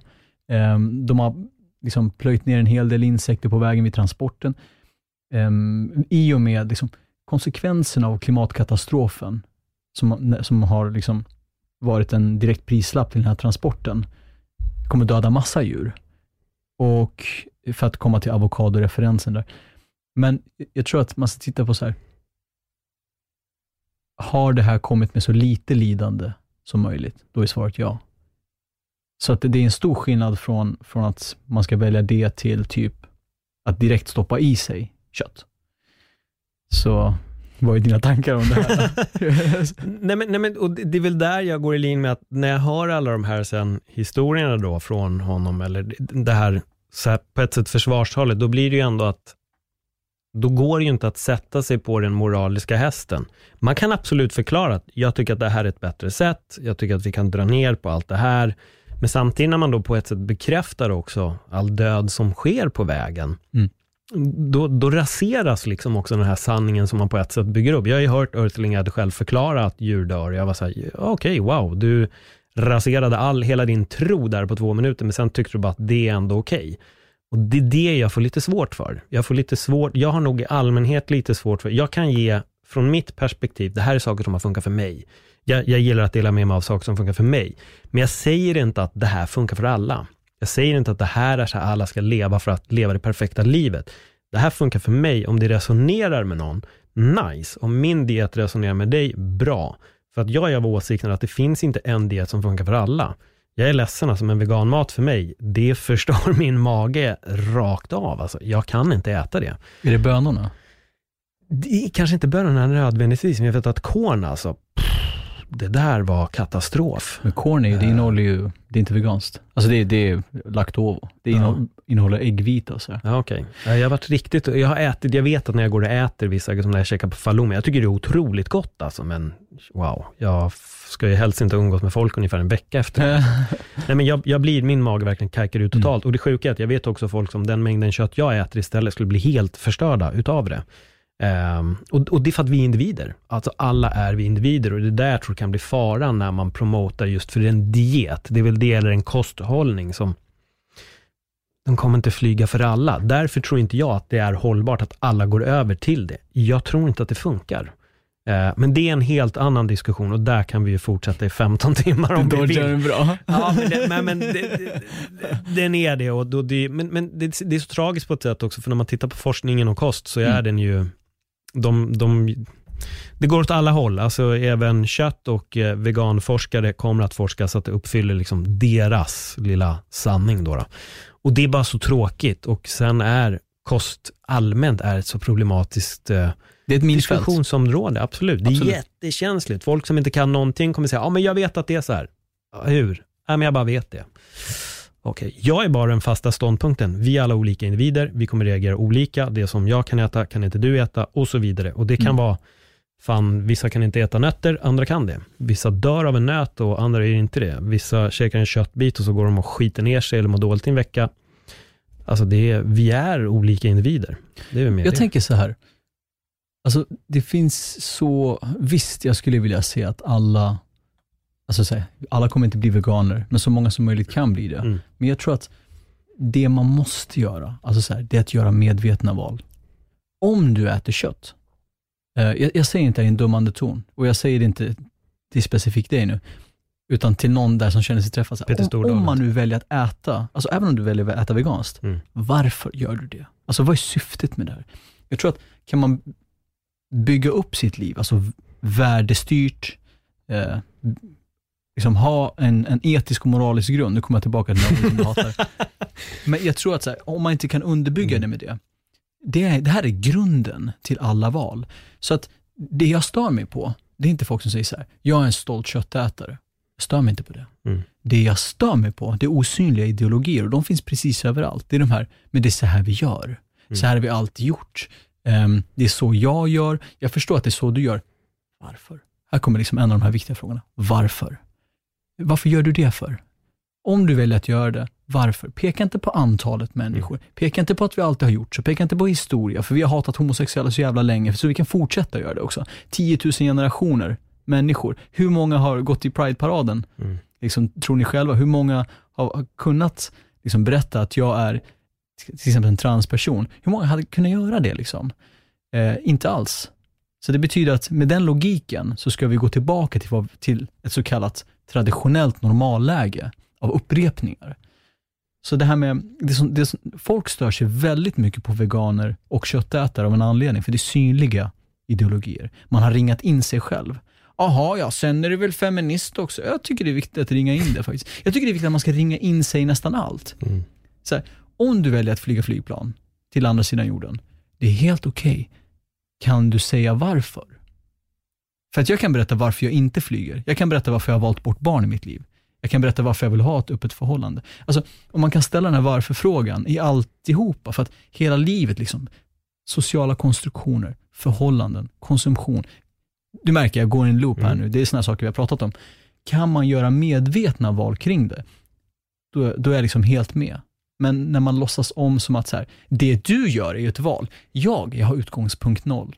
Jag hade en diskussion med en kompis, um, uppväxt i Sarajevo. Och när han fick sin första son så frågade jag honom, för han har ortodox bakgrund, så jag frågade så här, ehm, och, och muslimsk också.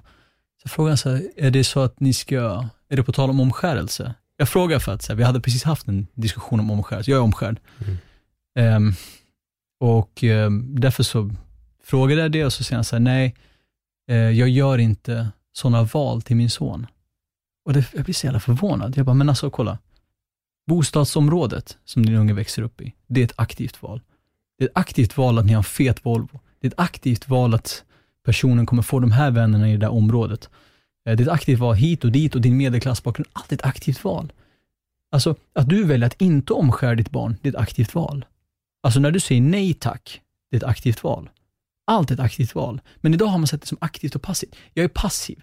Jag gör mitt, jag jobbar 9 till 5. Jag reser med min dieselbil. Jag äter kött. Det är passiva val. Alltså det här är utgångspunkt noll.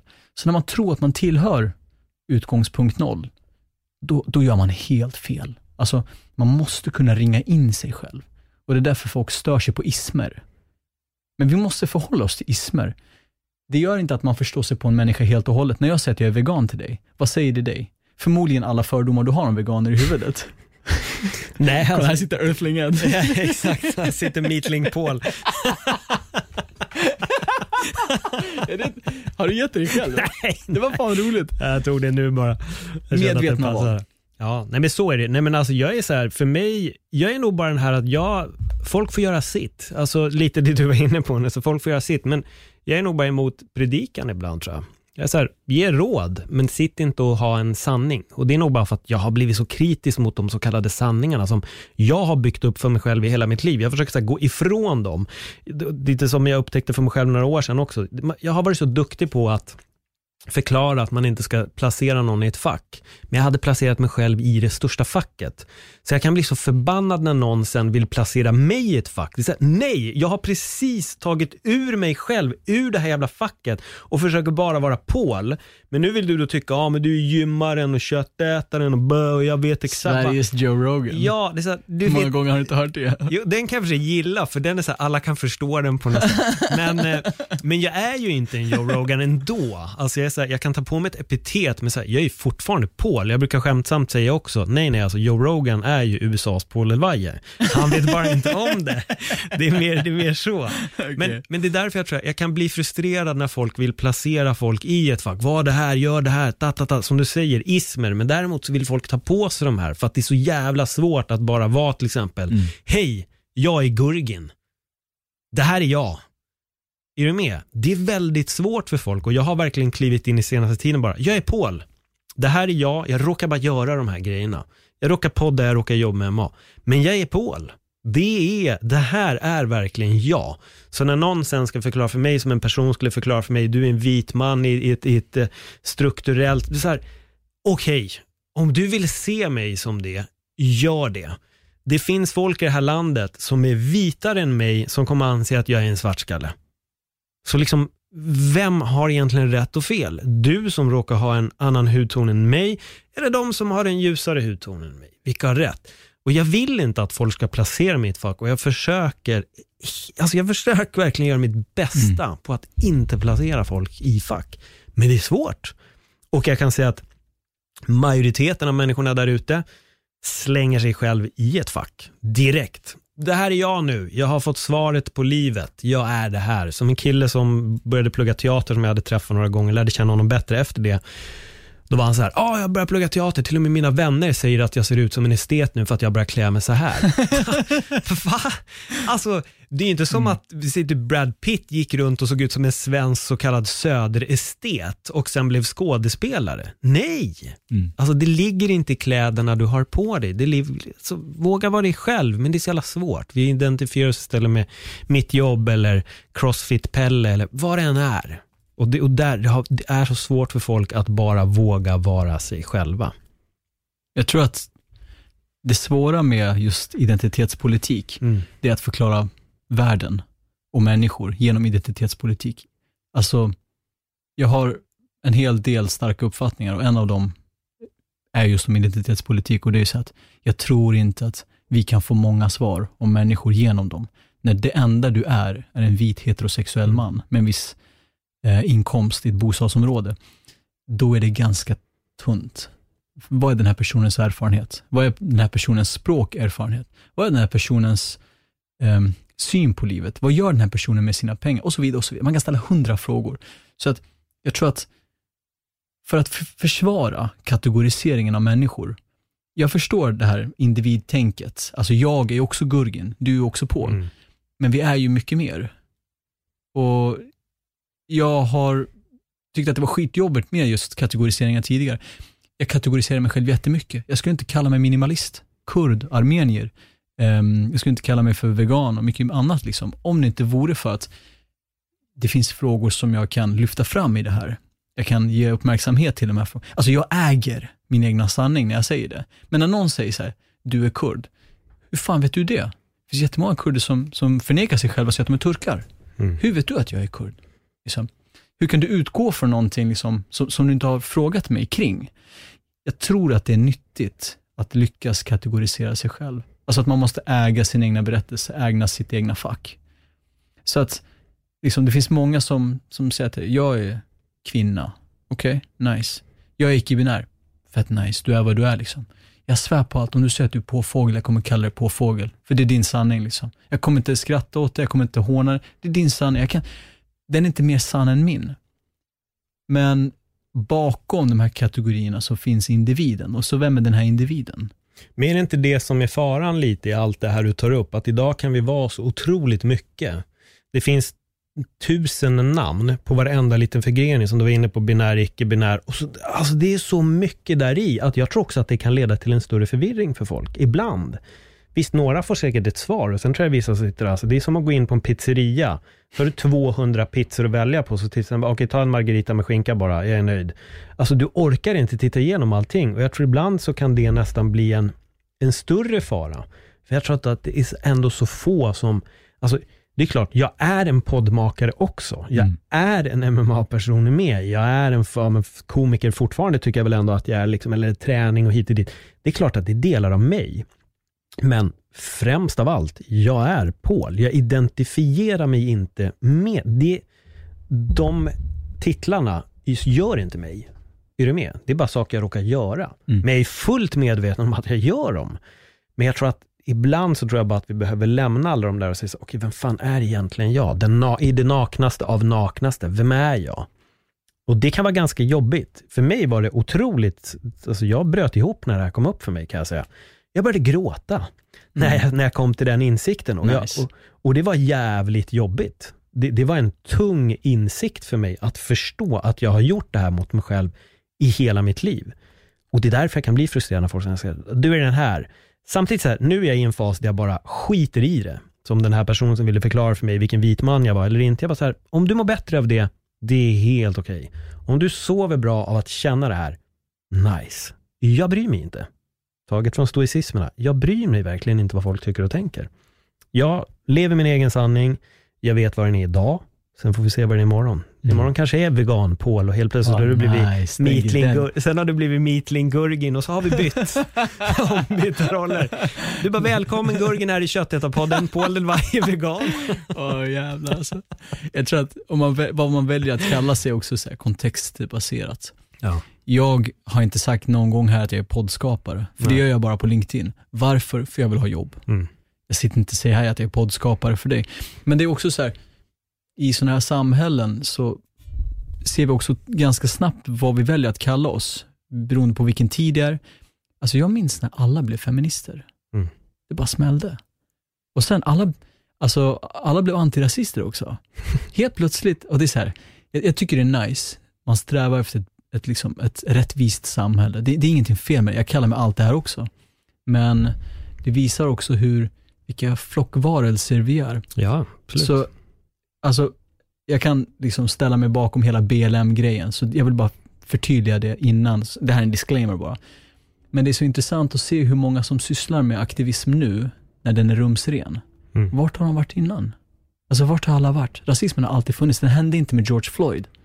Så, när man, när man tittar på den här grejen, då märker man direkt att så här, vad är folks intressen? Okej, eftersom att alla säger det, alla rätta kändisar säger det, alla rätta politiker säger det. Ah, det här är anställningsbart. När jag går ut och säger det här, det är inte som att jag säger så här, hej jag är Jimmy Åkesson. Jag kommer, de kommer steka mig från mitt lärarjobb. Så jag säger BLM, för det är ju antirasism och det är coolt just nu.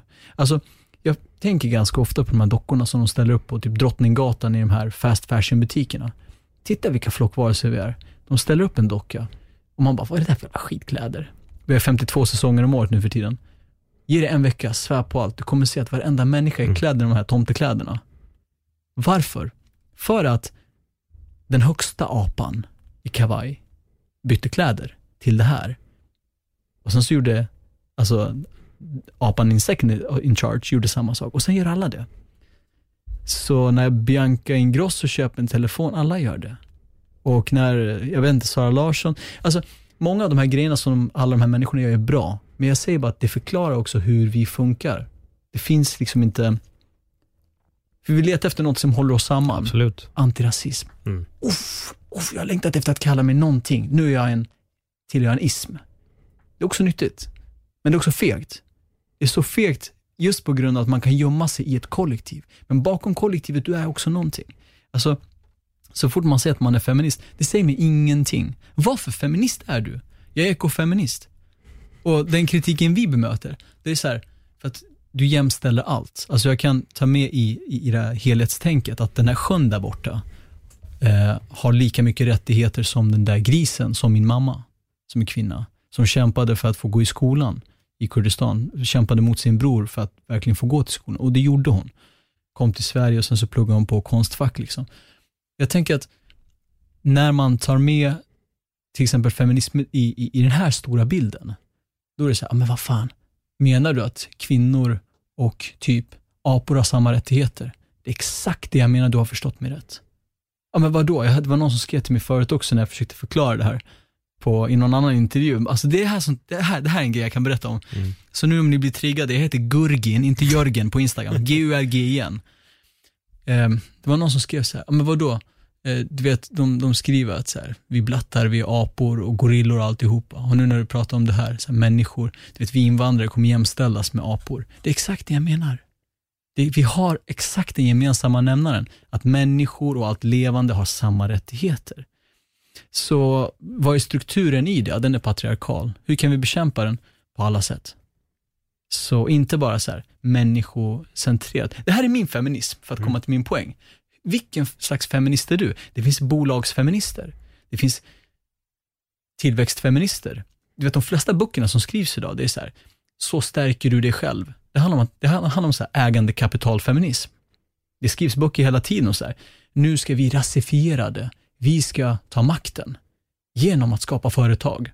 Aha, okej, det här är företagsantirasism. Vad för slags antirasist är du? Så det är så stort när man säger så här. Det är som att du säger, om du säger så här, jag heter Paul och jag är en snäll kille. På vilket sätt är du snäll? Är du generös? Ehm, är du den personen som ger mig en kram när du ser att jag behöver det? Liksom, hur är du snäll? Vad betyder snäll? Vad, vad har du fyllt i den här permen? Vad innehåller det här begreppet? Så att jag fattar att man bara hoppar på någonting och förstår inte hur många underkategorier det finns. Det finns folk som är veganer endast på grund av hälsa. De har sett den här, hjälp mig, dokumentären, bort den nu. Jag låtsades som att jag inte visste vilken det var, men du, du hatar den säkert. Ja, det gör jag verkligen. Ja. Men, ja. Ja, men jag menar bara att folk har blivit gymveganer, som inte för, men samtidigt så här, det, ah, jag tror att jag gjorde min poäng hard här. Nej, men jag fattar och det är väl där jag är, jag är väl lite så kritisk ibland till alla 200 underkategorier som dyker upp. För då är vi återigen där. Kristendom, vad är det? Jag tror den har över tusen, om det inte är 10 000 olika grenar. För att varenda liten så evangelist har sen sin spin-off, katolikerna har sin spin-off, protestanterna finns ett gäng spin-offs där. Alltså, det blir så mycket, folk kan inte ens enas om en sak. De säger så här, vad är snäll? Ja, då har vi en underkategori på det. Jag är snäll mot de här, men jag är inte snäll mot dem. För mig feminism, det vill säga från grunden är det väl egentligen bara lika rätt för alla. Det är väl egentligen så det har börjat. Va? Från, från scratch var det bara det det handlade om, att det skulle vara lika rätt för alla. Och jag, Eh, det kan bli också lite nästan komiskt när folk ska basunera ut feminism eller lika rätt för alla, men sen tycker de ändå att, ja men okej, Palestina, ja men det skiter jag i, det är där borta, eller Jemen, jag bryr mig inte, Rwanda, ja det är där borta. Ja men då är ju inte du för lika rätt för alla ändå. Och det, det är där jag tror att det kan bli lite skevt med de här bitarna. Och jag tror att många då kanske är, vad var det du sa, företagsfeminister eller vad det hette, jag kommer inte ihåg. Eh, men för, alltså för mig, det är så simpelt, lika rätt för alla. Jag tycker det är ganska simpelt, alla ska ha exakt samma rätt. För mig blir det bara, det blir en punkt där, jag behöver ingen underkategori för det. Jag tycker verkligen att det ska vara lika rätt för allihopa. Eh, sen om man vill kalla mig feminist eller någon annan typ av feminist, jag har ingen aning alltså. Jag är bara Paul som tycker att alla ska ha det lika bra. Paul utan kategori. Men eh, alltså, så länge man gör sitt val. Alltså, jag, jag tänker, för att komma till det här med teori och praktik. ehm, jag tror att så här, den som anstränger sig att inte skada någon eller något, Mm. så mycket som möjligt, det är den. Höger eller vänster, jag skiter i, ehm, är de som jag tycker är mest beundransvärda. För att man i sin handling kan visa att man bryr sig. Och det kan trigga folk som fan också. Och det är också för att, alltså jag, jag tror att, och det här är också en sanning att folk som, från min sida av debatten, ehm, tycker att man är väldigt god. Man säger aldrig det här högt. Mm. Jag kan säga att i interna samtal, det är det vi hör. Och titta på dem och titta på dem, men vi, men vi, alltså vi, Exakt. uppbyggnaden av viet. Då märker, man, då märker man så här, shit, det är så här man kan bygga en sekt. Det är på mycket bra värderingar. Alltså med det sagt så vill jag bara säga att det finns ju precis överallt. I vissa sammanhang öppet, andra inte. Alltså Knutby, öppet. Eh, kanske inom vissa kretsar av veganism. Det kanske är så också, outsagt. Eh, det kan vara så hos tillväxtkramare, det kan vara så hos eh, liksom, eh, högerpolitiker. De här sekterna finns överallt. Alltså, vi är medlemmar och vi söker vår, vår klan hela tiden. Vart är den? Vart är mitt folk? Vart kan, jag- vart kan jag stoppa ner mitt svärd liksom? i fodralet och bara så här, lyssna.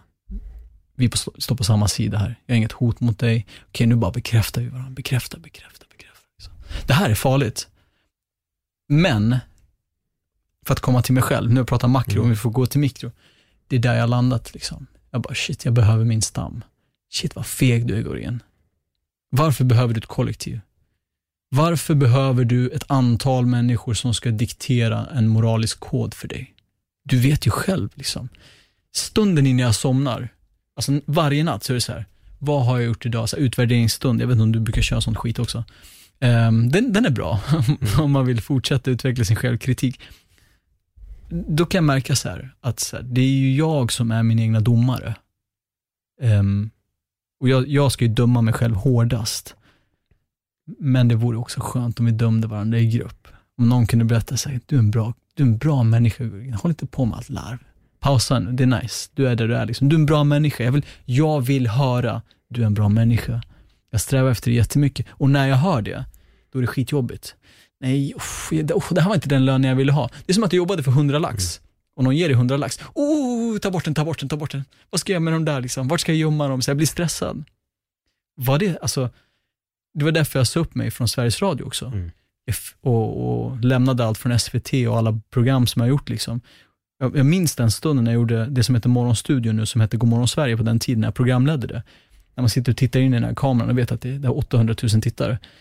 Oh shit, jag vill inte ha det här. Fuck mig, jag vill inte ha det. Vad har jag gett mig in på? Var det det här jag ville ha? Ja, men det är det. Känns det bra? Lite grann, men mestadels, vad fan? Nej, mina drömmar ska ju vara i mitt huvud. De ska inte finnas på riktigt. Så när man har kommit dit, då är det så här, åh nej. Och sen blir verkligheten mer deprimerande när man inser att jag kan faktiskt uppnå alltihopa. Så jag tror att jag har gett mig in i de här rättighetsrörelserna för att jag kommer inte uppnå det. Tänk om du gör det då? Fan, vad ska Tänk jag om göra det är då? Messias Gurgen här om några år. Ja, hela Sverige har blivit veganer och minimalister. Kommer du till min kyrka då? Alltså, ja, ja. Och så börjar det sprida sakta men säkert. Hade du backat då, eller vad hade hänt? Alltså vi serverar ju acai bowl till frukost varje morgon så, med avokado. Exakt. Du är välkommen. Inget kött. Ja, men det är svårt. Jag, jag, jag kan förstå på något sätt det du säger. Jag tror ibland att de här drömmarna man drömmer, de, man vill nog på ett sätt att de, de, alltså de, de är ju ouppnåeliga för att många gånger när man pratar också så känns det, du kommer nog inte riktigt uppnå det, men det är klart att någon annan gör det. Sen gör man det själv. Det kan ju bli en chock för vissa och det väl, låter ju lite som att det var det som hände. Att, Oj, jag nådde faktiskt dit jag ville. Vad, vad gör jag nu? Du var ju inte jättegammal heller när det hände kanske. Det är inte som att du är 60 bast här idag liksom och har, har levt ett långt liv. Utan, Jag är 36. Tack ja. för räddningen. Ja, nej men precis. Nej men, ja. Ser ut som en gammal 25-åring. det är veganismen. Ja, det är veganism. Kolla, nu när jag börjar sälja in det. Jag säger inte ens det. Jag säljer in det hela tiden, vet du det? Ja, Det, precis. det är manipulativt som... Men alltså så här. Du har ganska flä, alltså om man följer dig på sociala Mm. medier, du ser ut att du ser ut att vara en person man vill vara. Ja, tack. På vilket sätt då? Inte, inte kostmässigt, men, eh, Nej. men allt annat. Alltså så här, du, du har ju, jag tycker att du har schyssta värderingar. Ja, tack. Ehm, men sen vet jag inte vad du tycker om dig själv. Nej. Den där biten är ju svår att veta. Jag, jag kan ju säga någonting nu som gör att du hamnar i försvarsställning. Ja, kör. Nej, nej, nej, jag vill inte göra det. Ah, nej, men alltså, det var ah, okej, inget okej. tankeexperiment här. Och Jag kanske tycker att så här, fan, alla, alla grejer du säger är coola. Liksom, Mm. Dina handlingar är schyssta, du hinner träna, du mediterar. Du pratar om ganska hälsosamma grejer. Liksom. Men sen vet jag inte om du själv ser ditt liv som ett typ Sisyfos-arbete. Ehm, ah, snabbt eh, exempel här. med Zeus eh, dömde Sisyfos till straffarbete genom att han alltid skulle rulla upp en sten på en kulle och när han hade gjort det så skulle han låta den rulla ner igen. Och Det här är symbolen för straffarbete. Som också är en direkt referens till 9-5 och ekorrhjulet. Liksom. Mm. Det vi alla är fast i, det här frihetsfängelset.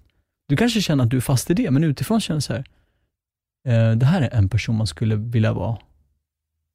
Förutom vid, vid frukost, lunch och middag. Nej, men du kanske, jag vet inte om du vill vara dig själv. jag kan ge ett svar. Alltså jag, som jag säger, när den här insikten kom i att jag är Paul, det var väldigt mycket som förändrades för mig där och efter det har jag nog bara fortsatt att utforska det här, att bara våga vara mig själv. Jag har, liksom, jag har ganska enkla motton i mitt liv. Det är väl egentligen att jag ska bara göra saker som får mig att må bra. Jag ska inte gå till ett jobb där jag känner att jag är missnöjd. Jag ska inte umgås med människor som jag inte trivs med. Då kan jag lika gärna sitta hemma själv och göra faktiskt ingenting. Jag mediterar inte varje dag, jag önskar att jag gjorde det. Så här, de gångerna jag tar upp det oftast att jag börjar komma in i det igen och sen kommer jag av mig och det kan frustrera mig lite. Men jag har nog bara börjat dela med mig av, av de här grejerna som, som, liksom, som jag har börjat, mina sanningar idag, liksom, som, jag, som jag tror på, och som ger mig på något sätt ett litet mer harmonisk vardag. Men fan, jag har skitdagar också. Alltså, jag är ju öppen med det ibland med. När jag skrev under corona skrev jag att det är tungt. Jag tycker att det här är jobbigt. Jag tänker, jag är ju som dig, du och jag tänker ju som fan. Vi tänker nog bara på olika grejer, men jag kan också gå djupt ner i mina tankar och verkligen liksom överanalysera saker otroligt mycket och börja gräva djupt i det. Eh, och jag försöker nog bara dela med mig när jag får någon form av så här, tanke som jag ändå tycker att jag kommer fram till något litet svar på. Att så här, det här har jag tänkt på och här delar jag med mig utav det. Men någonstans så försöker jag väl inte, alltså jag, jag tror så att ingen är hycklerifri, Nej. men jag försöker nog bara skicka ett så här schysst budskap. Och jag tror så här med stand-up också, att anledningen till att jag lämnade det var ju för att jag ville förmedla någonting annat och nu känner jag att jag gör det. Jag kan kombinera de här grejerna med att man får skratt också. Men eh, jag vill nog bara sprida, jag, jag, alltså det är så få, som, som ismer, som du har varit inne på, lite, du, du, du, du är en ställningstagare som jag sa, du väljer de här grejerna. För mig har det nog blivit lite att jag har blivit en ställningstagare till att här, våga titta på ditt liv, våga, ti- våga blicka inåt. Liksom, jag, vill, jag vill rikta folk åt den riktningen, att så här, läs en bok eller sök upp intressanta talare, vad, vad hade de att säga? Att börja utvärdera så här, oss själva. För att vi är så många gånger, jag tror det är därför jag kan bli lite så frustrerad över Earthling Ed, för att det är väldigt mycket vi och dem ifrån hans sida. Och det är där jag kan känna så här, fan tänk om vi bara började titta på oss själva, så titta inåt egentligen, för att jag tror att vi glömmer det hela tiden, utan vi riktar bara det här, den gör fel och den gör fel och den gör fel, men jag älskar citatet att när du pekar på någon annan så har du tre fingrar som pekar tillbaka. Så det är väldigt viktigt att våga titta inåt. Vem är jag egentligen? Lite det du gör nu också. Jag tror därför har, det har hänt någonting i dig. Att fuck, helt plötsligt börjar du också ifrågasätta dig själv. Och jag tycker att det är bra. För vi behöver göra det. Vad vi än söker för form av sanning eller vilka åsikter hur magiska de än är, eller bra de än är, så är det så otroligt viktigt att våga titta inåt. Jag tror bara att jag är nog en av, i alla fall mig vetligt här i Sverige, jag är nog en av väldigt få som faktiskt delar med mig av att jag tittar otroligt mycket inåt. Jag försöker rannsaka mig själv hela tiden. Jag vet att jag kan vara en riktig skit i många instanser. Jag vet att jag har varit det. Jag har bara insett att jag har varit det. Liksom. Men sen har jag många bra sidor också. Det betyder inte att jag konstant är en skit, men jag kan i alla fall bekräfta att jag har dåliga sidor. Liksom. Men jag vågar titta inåt. Jag försöker hela, titta, hela tiden titta inåt och ifrågasätta. Sen tror jag bara att du och jag går ner i olika hål. Absolut. Jag, jag, jag tror att, ehm, nu har du ringat in det ganska bra, men om jag får lägga till en sista grej här Ja. Det är ju inte att vi, eh, ja, det vore osunt Mm. av oss att sitta här och sträva efter gemensam mark och att vi förhandlade bort det vi tyckte var viktigast, bara för att komma dit. Det är det här vi kallar slarvet för konsensus. Det är i grund och botten en så här relationsbyggande grej. Och um, jag tror att det vi är, har gemensamt är ju alltså att vi, vi, vill, vi vill kunna göra medvetna val. Varför för just dig? Mm. Um, det, det, är lätt att gömma sig bakom en grupp. Jag tror också att, så här, när man, att, att peka på andra hur lätt som helst. Alltså, det finns folk som gör karriärer på det här. De pekar på andra och sen säger de, titta vad jag utsätts för. Alltså, det är en gräddfil in i många karriärer då, tyvärr. Mm. Um, jag såg det på nära håll på Sveriges Radio, det hände många gånger.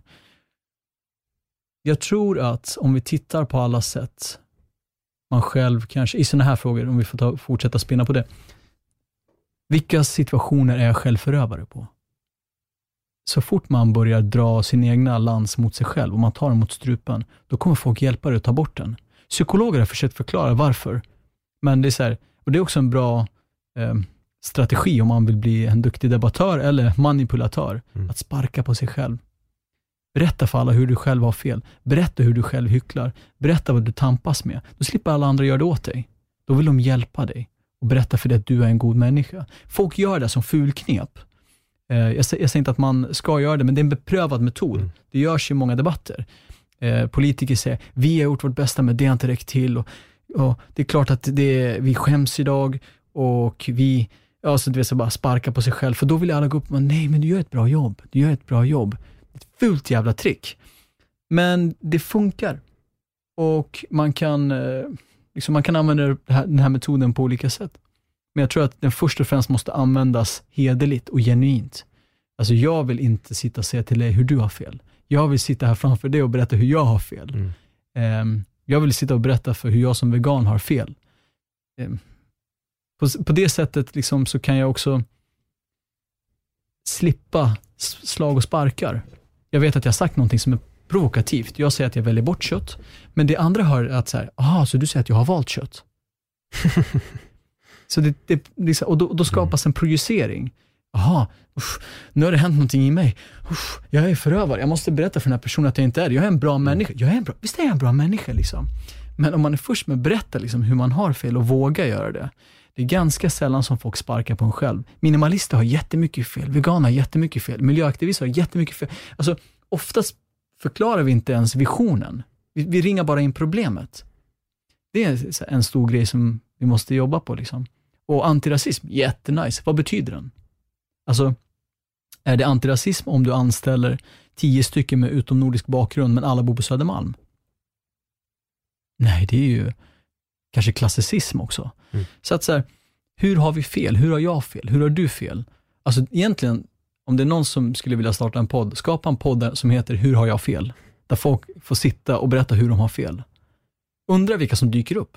Undrar om de kommer ta alla argumenten hela vägen. Jag tror inte det, för vi är sämst på det här. Mm. Jag har identifierat mig som vegan, nu vill inte jag sitta och säga att jag har fel framför den här människan. Liksom. Jag, jag, skrev om det här när jag fyllde år. Jag vet inte vilket år det var, men det kan vara någonstans mellan två och fyra år sedan. Då skrev jag just om det här med att våga ha fel. Att det är någonting jag har anammat väldigt mycket och alla lögner som vi berättar, inte för någon annan, utan för oss själva. Men just våga ha fel, för det är något jag upplever att folk har så jävla svårt att våga fel. Man står fast vid sin liksom, ståndpunkt, även fast man vet att man har fel. Mm. Och det är så jävla farligt och jag tror att det är därför folk också behöver, jag, jag tror så här, när någon pratar med man kan också peka i en riktning att så här, fast du kanske behöver titta på det här ändå. Och det betyder inte att man klackar ner på en person, men jag tror att man kan också hjälpa någon att, men har du tänkt ur det här perspektivet eller har du sett det ur det här, ur den här synvinkeln? Och jag tror också lite det som du säger då, att ja, men jag har valt bort kött. Ja, men vadå, då menar du att jag har valt? Jag förstår inte varför folk går in i den försvarsställningen. Det är det, det, det, jag också tycker är lite konstigt, att det, jag tror att där behöver man ta lite från stoicismerna med att, ja okej, okay Ja, om det funkar mm. för dig, vad kul. Jag, jag vill ändå göra så här. Så länge man inte är den som liksom går ut och mördar människor, så tycker jag väl ändå att man har hållit sig inom en viss moral och etik. Eh, om man ser det så. Men, men vi vill smutskasta folk och jag tror ibland man måste nog ifrågasätta varför vill jag smutskasta dem? Varför vill jag tillhöra vi? Istället för att fatta att så här, vi sitter alla i exakt samma båt på ett sätt. Men, mm. men jag tror också det bara är en, en otrolig försvarsmekanism. Vi vill alltid gå in och slänga skit på andra för att hylla sig själv. Liksom, jag gör rätt och så gör du fel. Och de här gör rätt och jag gör fel. Och rätt intressant när man tänker på det här, vem är egentligen the bad guy? Mm. Jag menar till exempel de i IS, de kommer ju såklart tycka att vi gör ju rätt. De, de i deras värld gör ju de rätt. Från vår synpunkt så är det ju bara en otrolig galenskap och den måste ju upphöra alltså direkt. Men i deras bubbla så sitter de ju med alla rätt och det är det som är så obehagligt att vi lever alla i helt olika sanningar om hur världen och verkligheten ska se ut. Nu var Mm. IS ett extremt exempel, men jag tror ändå att folk kan förstå lite vad det är jag menar. För oss här, helt galet, det Verkligen. måste upphöra direkt. Men sen när man, när man, om man skulle sitta och lyssna på dem och bara höra vad de säger, som att, alltså det är helt sjukt om de här personerna verkligen bara tycker att, nej men det är helt rätt. Mm. Det här leder Det mig det. till paradiset, joho! Oh shit! Alltså det är obehagligt alltså, det är verkligen läskigt. Om jordelivet Ja. är en audition för himlen Ja. och det skulle vara så att det fanns 72 oskulder som väntar på en, då är min teori om att IS-medlemmar kommer hamna med 72-årig oskuld. Ja. Det hade varit ett intressant scenario. Eh, jag, jag tror att så, hela den grejen du berättar här nu, det är ju så här, det, stora mänskliga felet. Alltså att vi, i alla våra narrativ ska det finnas ett gott och ont. Mm. Alltså det är mycket som de här filmerna har lurat oss i. Så. Ja, ja. Att, att det finns en början, det finns ett slut. Det finns en början på mitt eh, psykiska, eh, min psykiska ohälsa, det finns ett slut på den. Den kanske aldrig tar slut, den kommer kanske alltid bubbla där. Ehm, det kommer aldrig kanske finnas ett datum då du kommer komma över den här, jag vet inte, aborten eller vad det nu är för någonting. Det kommer alltid ligga och pyra. Det är det som gör oss till människor. Det gör oss också till människor när vi letar efter en fiende. Alltså, när vi hela tiden ska hitta efter gott och ont, alltså det vi gör fel, är ju att så här, vi ser oftast förövare i någon så här grov svart kontur. Vi ser inte ansiktet på dem. Och det är därför de gör ju så här, folk blir helt chockade varje gång de får se bilder på typ sexbrottslingar eller så här pedofiler och Ja, massmördare. Men det var ju en vanlig person. Har du hört? Alltså det, det mest vanliga är ju, när de har, nu, du nämnde IS, men allt efter 2014 eh, har ju varit mer eller mindre så här. När de har gått och intervjuat grannar till folk som åkt ner till eh, Syrien och sprängt sig. Mm. Så har de frågat någon stackare i Värnamo, så, ja det var en bra kille det här. Ja, nej, det var ingen konstigt. Cykla varje dag med sin monarkcykel till skolan och fram och tillbaka. Så här, håller de på och brer ut det så här. Alla berättar samma grej. Det var en helt vanlig snäll kille. Och då blir vi chockade, för då är det så här, åh, ondskan finns bland oss. Men ondskan finns i oss. Det är helt sjukt. Alltså, hur kan man tro, och jag säger det här som feminist, men vi feminister tror också att det här kvinnohatet har ett ansikte. Och då letar vi efter det ansiktet. Och när vi hittar det, då blir det så här, det påminner väldigt mycket om ehm, de här eh, gachacha-domstolarna som finns i delar av Afrika. Alltså där man liksom sätts i tält, om 17 pers pekar på den här personen och säger, ja, den, nej, han har gjort det. Han har bränt ner byn, då har han gjort det. Liksom. Mm. Så eh, när vi letar efter en fiende, vi kommer hela tiden hitta fiender. Och det blir så komplext när vi också är fienden. Mm. Så jag har precis, jag vet, jag vet exakt vad jag har gjort för fel i mitt liv. Jag vet exakt, jag har varit rasist fram till 2020 någonstans. Jag hade jättemycket problem med turkar. Alltså jag säger det här som kurdiska armeniska, jag la all min skuld på dem. När jag såg en turk, då var det så här, det var jobbigt känslomässigt. Oh, fan du är snäll mot mig. Ah, mm. Då kände jag igen det här som jag fick höra på landet. Du är inte som alla andra invandrare. Men hur är alla andra invandrare då? Mm. Alltså, berätta för mig hur de ser ut, hur de beter sig. Hur, hur är den här invandraren enligt din fantasi? Men jag var ju aldrig den. Men de här turkarna var ju inte, nu är min nuvarande flickvän halvturk också.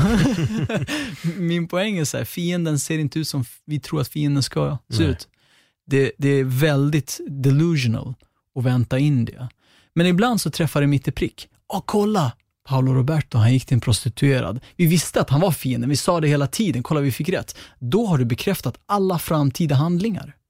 Alltså, och vi, vi har sett liksom folkstormar. Ju, ju större folkstorm, eh, desto mer kan tidningarna beskriva det som det finns ett allmänt intresse av. Det här är ett mycket fegt begrepp. Det är mycket fegt.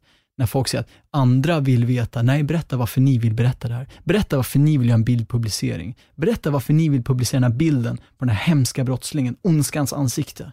Berätta varför ni vill sälja de här lösnumren. Var inte så jävla gummiryggade för fan. Så jag tror att, eh, om jag inte gjort min poäng hörd här nu, vi är förövare. Alltså vi är offer, vi är förövare. Folk som begår sexbrott, gissa vad många av de här har varit offer för också. Så för att komma tillbaka till hur komplex verkligheten är, den är jättekomplex. Det finns ingenting som är gott och ont. Alltså, nu har vi sparkat på veganism så mycket här, så jag fortsätter åt det. på något annat. Ja, Men bara för att man är vegan, du är inte världens bästa människa. Nej. Eh, Du är förmodligen inte ens en god människa. Ehm, det är jävligt svårt. Det är inte svartvitt. Nej men det är inte det och jag tror lite som du säger, vi, vi eh, vill hitta någonting och så vill vi gärna vara bra själva. Och Jag tror att det är det det grundar sig i väldigt många gånger. Vi vill visa vår egen så här, godhjärtat, att jag, jag är så bra, men de här, da, da, da. Och det är en, jag tror att det är en liten fälla man, eh, folk kan hamna i Mm. ganska många gånger. Du, jag tror att vi typ nästan är uppe i den längsta podden som har gjorts i den här studion. Hur länge är det då? Jag, vet, jag ska kolla. Vi är uppe i... Ja, nästan. En timme och 48 minuter. Är det sant? Vilken Ja. ära att vara så här långdragen. Jag ber om ursäkt om det är folk som har lyssnat så här. Nu kan vi säga precis vi vad, säga som precis helst. vad som nu går vi in helst. på all galenskap bara. Det är nu det börjar. Det där var bara introt. Nej, fan. Vilken bra podd. Jag, upp, jag uppskattar, jag uppskattar inte ditt arbete, jag uppskattar dig. Ja men detsamma. Det är kul. Jag, men det var ju som när jag sprang, eh, när du hade parkerat faktiskt precis strax, strax utanför där jag bor. Så gick jag in och fikade med dig och då satt vi och snackade ganska länge också. Mm. Så det är verkligen, varje gång du och jag sätter oss, då blir det ju ett poddavsnitt, även om det spelas in eller inte. Jag var rädd att jag höll kvar dig i din träning där, för du stod med din träningsväska på vägen till gymmet. Ja, men sen var det att jag kom tillbaka efter. Det var det, när jag väl hade Ja. tränat så klev jag in och då satt vi oss och fikade. Så jag sprang på, du men kom och fika efteråt. Och då kom jag Mm. in. Fan, saknar husbilslivet alltså. Men vad hände? Den eh, korta historien, den dog i Lübeck på autobahn. Uff, Och- mitt på också. Ja, Det så bästa stället. helt galet. Katastrof. Vänta tre timmar i regnet på en bärgare. Den kom. Det skulle kosta 100 lax, 110 000 bara för motorn och mycket annat. Så jag bara, jag, jag kan inte motivera den här kostnaden. Det, Mm. Vi hade kunnat prata om varför vi har slit och släng-samhälle nu, men det går inte att reparera grejer längre. Mm. Alltså det gör inte det, det är alldeles för dyrt. Så att eh, jag saknar det som fan. Jag ska säga att, fan nu startar jag en ny podd här, jag är ledsen för det, men jag, jag trodde att som minimalist, att jag inte identifierade mig med någonting. Jag gör inte det. Du kan, alltså jag kan sitta här helt naken och känna mig trygg med det. Jag saknar den här husbilen så mycket efter två månader, du förstår inte. Den var, det var mina fyra bästa år i mitt liv. Mm. Jag har varit med om mycket bröllop, liksom. Långa förhållanden, när jag fått hundar. Alltså ingenting slog det där. Det ändrade mig. Det var inledningen till en djup personlig subjektiv resa som gjorde att jag sen kunde tänka annorlunda. Liksom. Och allting började med att bo på fyra hjul. Det är fucked up. Det är fucked up. Nästa kanske är båtlivet då. Alltså nu bor vi i vegokollektiv, men jag tittar, du nämnde i den här podden om ekobyar. Mm. Jag tittar på mycket tiny house, bygga en tiny house ekoby. Jag tror att det är framtiden. Alltså jag tror på, genom alla aspekter, bygemenskap, en social gemenskap, kollektiv gemenskap. Du kollar på klockan här nu, du bara, Nej, jag var jag tvungen att kolla. Jag tror inte att någon kommer in för klockan är över fem redan. Ja, okej. Eh, Så det var bara med, med det jag skulle Åh, kolla. tjejen väntar i tälten, kommer hata mig, vi ska grilla nu. Vegokorv, du är välkommen, halvfabrikat. Vegokorv. Uff, halvfabrikat. Nej, äter inte halvfabrikat Vi är alltså. veganer, vi kan vara ohälsosamma också. Jag tycker det är så roligt just det här med halvfabrikat, för jag försöker verkligen hålla mig undan vi kan inte avsluta det här samtalet va? Det var nej, mer halvfabrikat, mer halvfabrikat, beyond meat på halvfabrikat, halvfabrikat. Ja, Nej, det är en väg in. Det är alla vägar in i veganism. Jo, det är det. det, är Alla, det. hörde du? Jag sa precis alla vägar till Jesus är bra. Det var inte Ja. meningen. Det var inte meningen. Fett farligt. Jörgen, det låter ju definitivt som att vi har en del tre som eh, Är det så? kommer att bli Ja, alltså, så här. Min plan med den här podden, om ingenting jättekonstigt händer, så är min plan att den här ska fortsätta forever. Den, jag har ingen plan på att lägga ner den. Så du och jag kommer nog sitta kanske 20 gånger till ifall jag liksom fortsätter i det, i det långa loppet så blir det väl en gång per år där vi sätter oss och kommer ikapp. Det blir många arbetstimmar. Ja, nästa gång kanske jag presenterar som du var vegan, nu är du köttätare, du jobbar på kärnkraftverket i Oskarshamn, du har en villa och du har gift dig med fem Ja, barn. Hur visst. hände? Hur gick det här Visst. till? Ja, herregud alltså. Tänk dig den förändringen, så här parallella universumets eh, Gurgen. Ja, det är galet. Det vågar vi inte ens tänka på. Så det får vi lämna till nästa gång. Men Gurgen, och dra upp alla poddar, sociala medier, var, var hittar man dig, var följer man dig och så vidare. Alltså, om jag får pusha en grej. Pusha allt. Hundmänniskor, Hundpodden Vår bästa vän. Det är en podd jag gjort i sex och ett halvt år. Mm. Och eh, jag har mycket gemensamt med allt högern och nazister, för att jag lever på Swish. Det är typ bara vi som kan leva. Och Katarina Janouch kan jag tänka mig också. Ja, Men nu ska jag inte sparka på henne, utan så här, vill ni lyssna på Hundpodden, vår bästa vän, så får ni göra det. Eller följ med på sociala medier, för där pushar jag grejer som jag skriver. Jag skriver för tidningen Syre. Jag heter Gurgin, G-U-R-G-I-N. Har du sagt det? Jag måste säga det här. G-U-R-G-I-N. Så kan ni följa med där. Så bara hittar ni mig på olika Mm. sätt. Liksom. Snyggt. Du, fan tack för ett eh, riktigt jävla intressant, djupt samtal. Ja, tack bra, själv. Det är verkligen djupt. Vi, Det- vi har ju grävt i några hål här. Jag, var nere Jag fick kalla händer, vet du det? Alltså Ja. det är på riktigt, det, det är skitjobbigt. Jo, jag kände, jag kände. Men då har du ett varmt hjärta. Det här är så cheesy. Det är så ostig. Jag ska bara göra en sista grej också Mhm. för att eh, jag måste bara se, för jag vill gärna säga rätt. Mitt efternamn eller? Nej, det, det är inte det. Så här, Kurdistanian, det var du som hörde av dig till mig och eh, skrev så här. Paul, tack för din podcast. Ska du bjuda in Gurgen igen? Då ska jag, kul att du gillar den. Jo, men jag ska bjuda in han igen. Herregud. Nu är han här och eh, ja, Gurgistanian, var, eller Kurdistanian menar jag. Han vill jättegärna höra det här igen. Och då fick jag liksom arslet ut ur vagnen och hörde av mig till dig. Faktiskt direkt efter att han hade skrivit så hörde jag av mig. För jag hade Ja. suttit och tänkt på det ett tag. Så vi får ju Uppskattar dedikera den här podden till honom då. Jag hoppas att eh, du är nöjd med det här nu. Det är Nej, må- många skitbra. kurder som är förbannade. Jag ställde upp på en YouTube-intervju Mm. och kritiserade mycket utav så här, om hur vi ska föra fram kurdisk kultur. Fan, jag öppnar en ny podd nu, men jag menar bara att så här, jag tror att jag hade förlorat hela min kurdpublik där. Det var många som skrev till mig, var förbannade. Gör man folk förbannade, då gör man något rätt, tänker Ja, jag. det brukar vara så i alla fall. Då har man i alla fall folk, folk att tänka på något sätt. Sen något Japp. positivt eller negativt, det får vi se. Om ni vill följa mig på Instagram så heter jag at Paul Del Valle, så det är bara att söka där, där pushar jag allting. Glöm inte att prenumerera på den här podden om ni gillar den, dela, dela den på era sociala medier. Och ja, lyssna gärna på den igen, för det var mycket vettigt som har kommit fram i det här. Gurgen, tack så jättemycket. Tack själv. Hej då!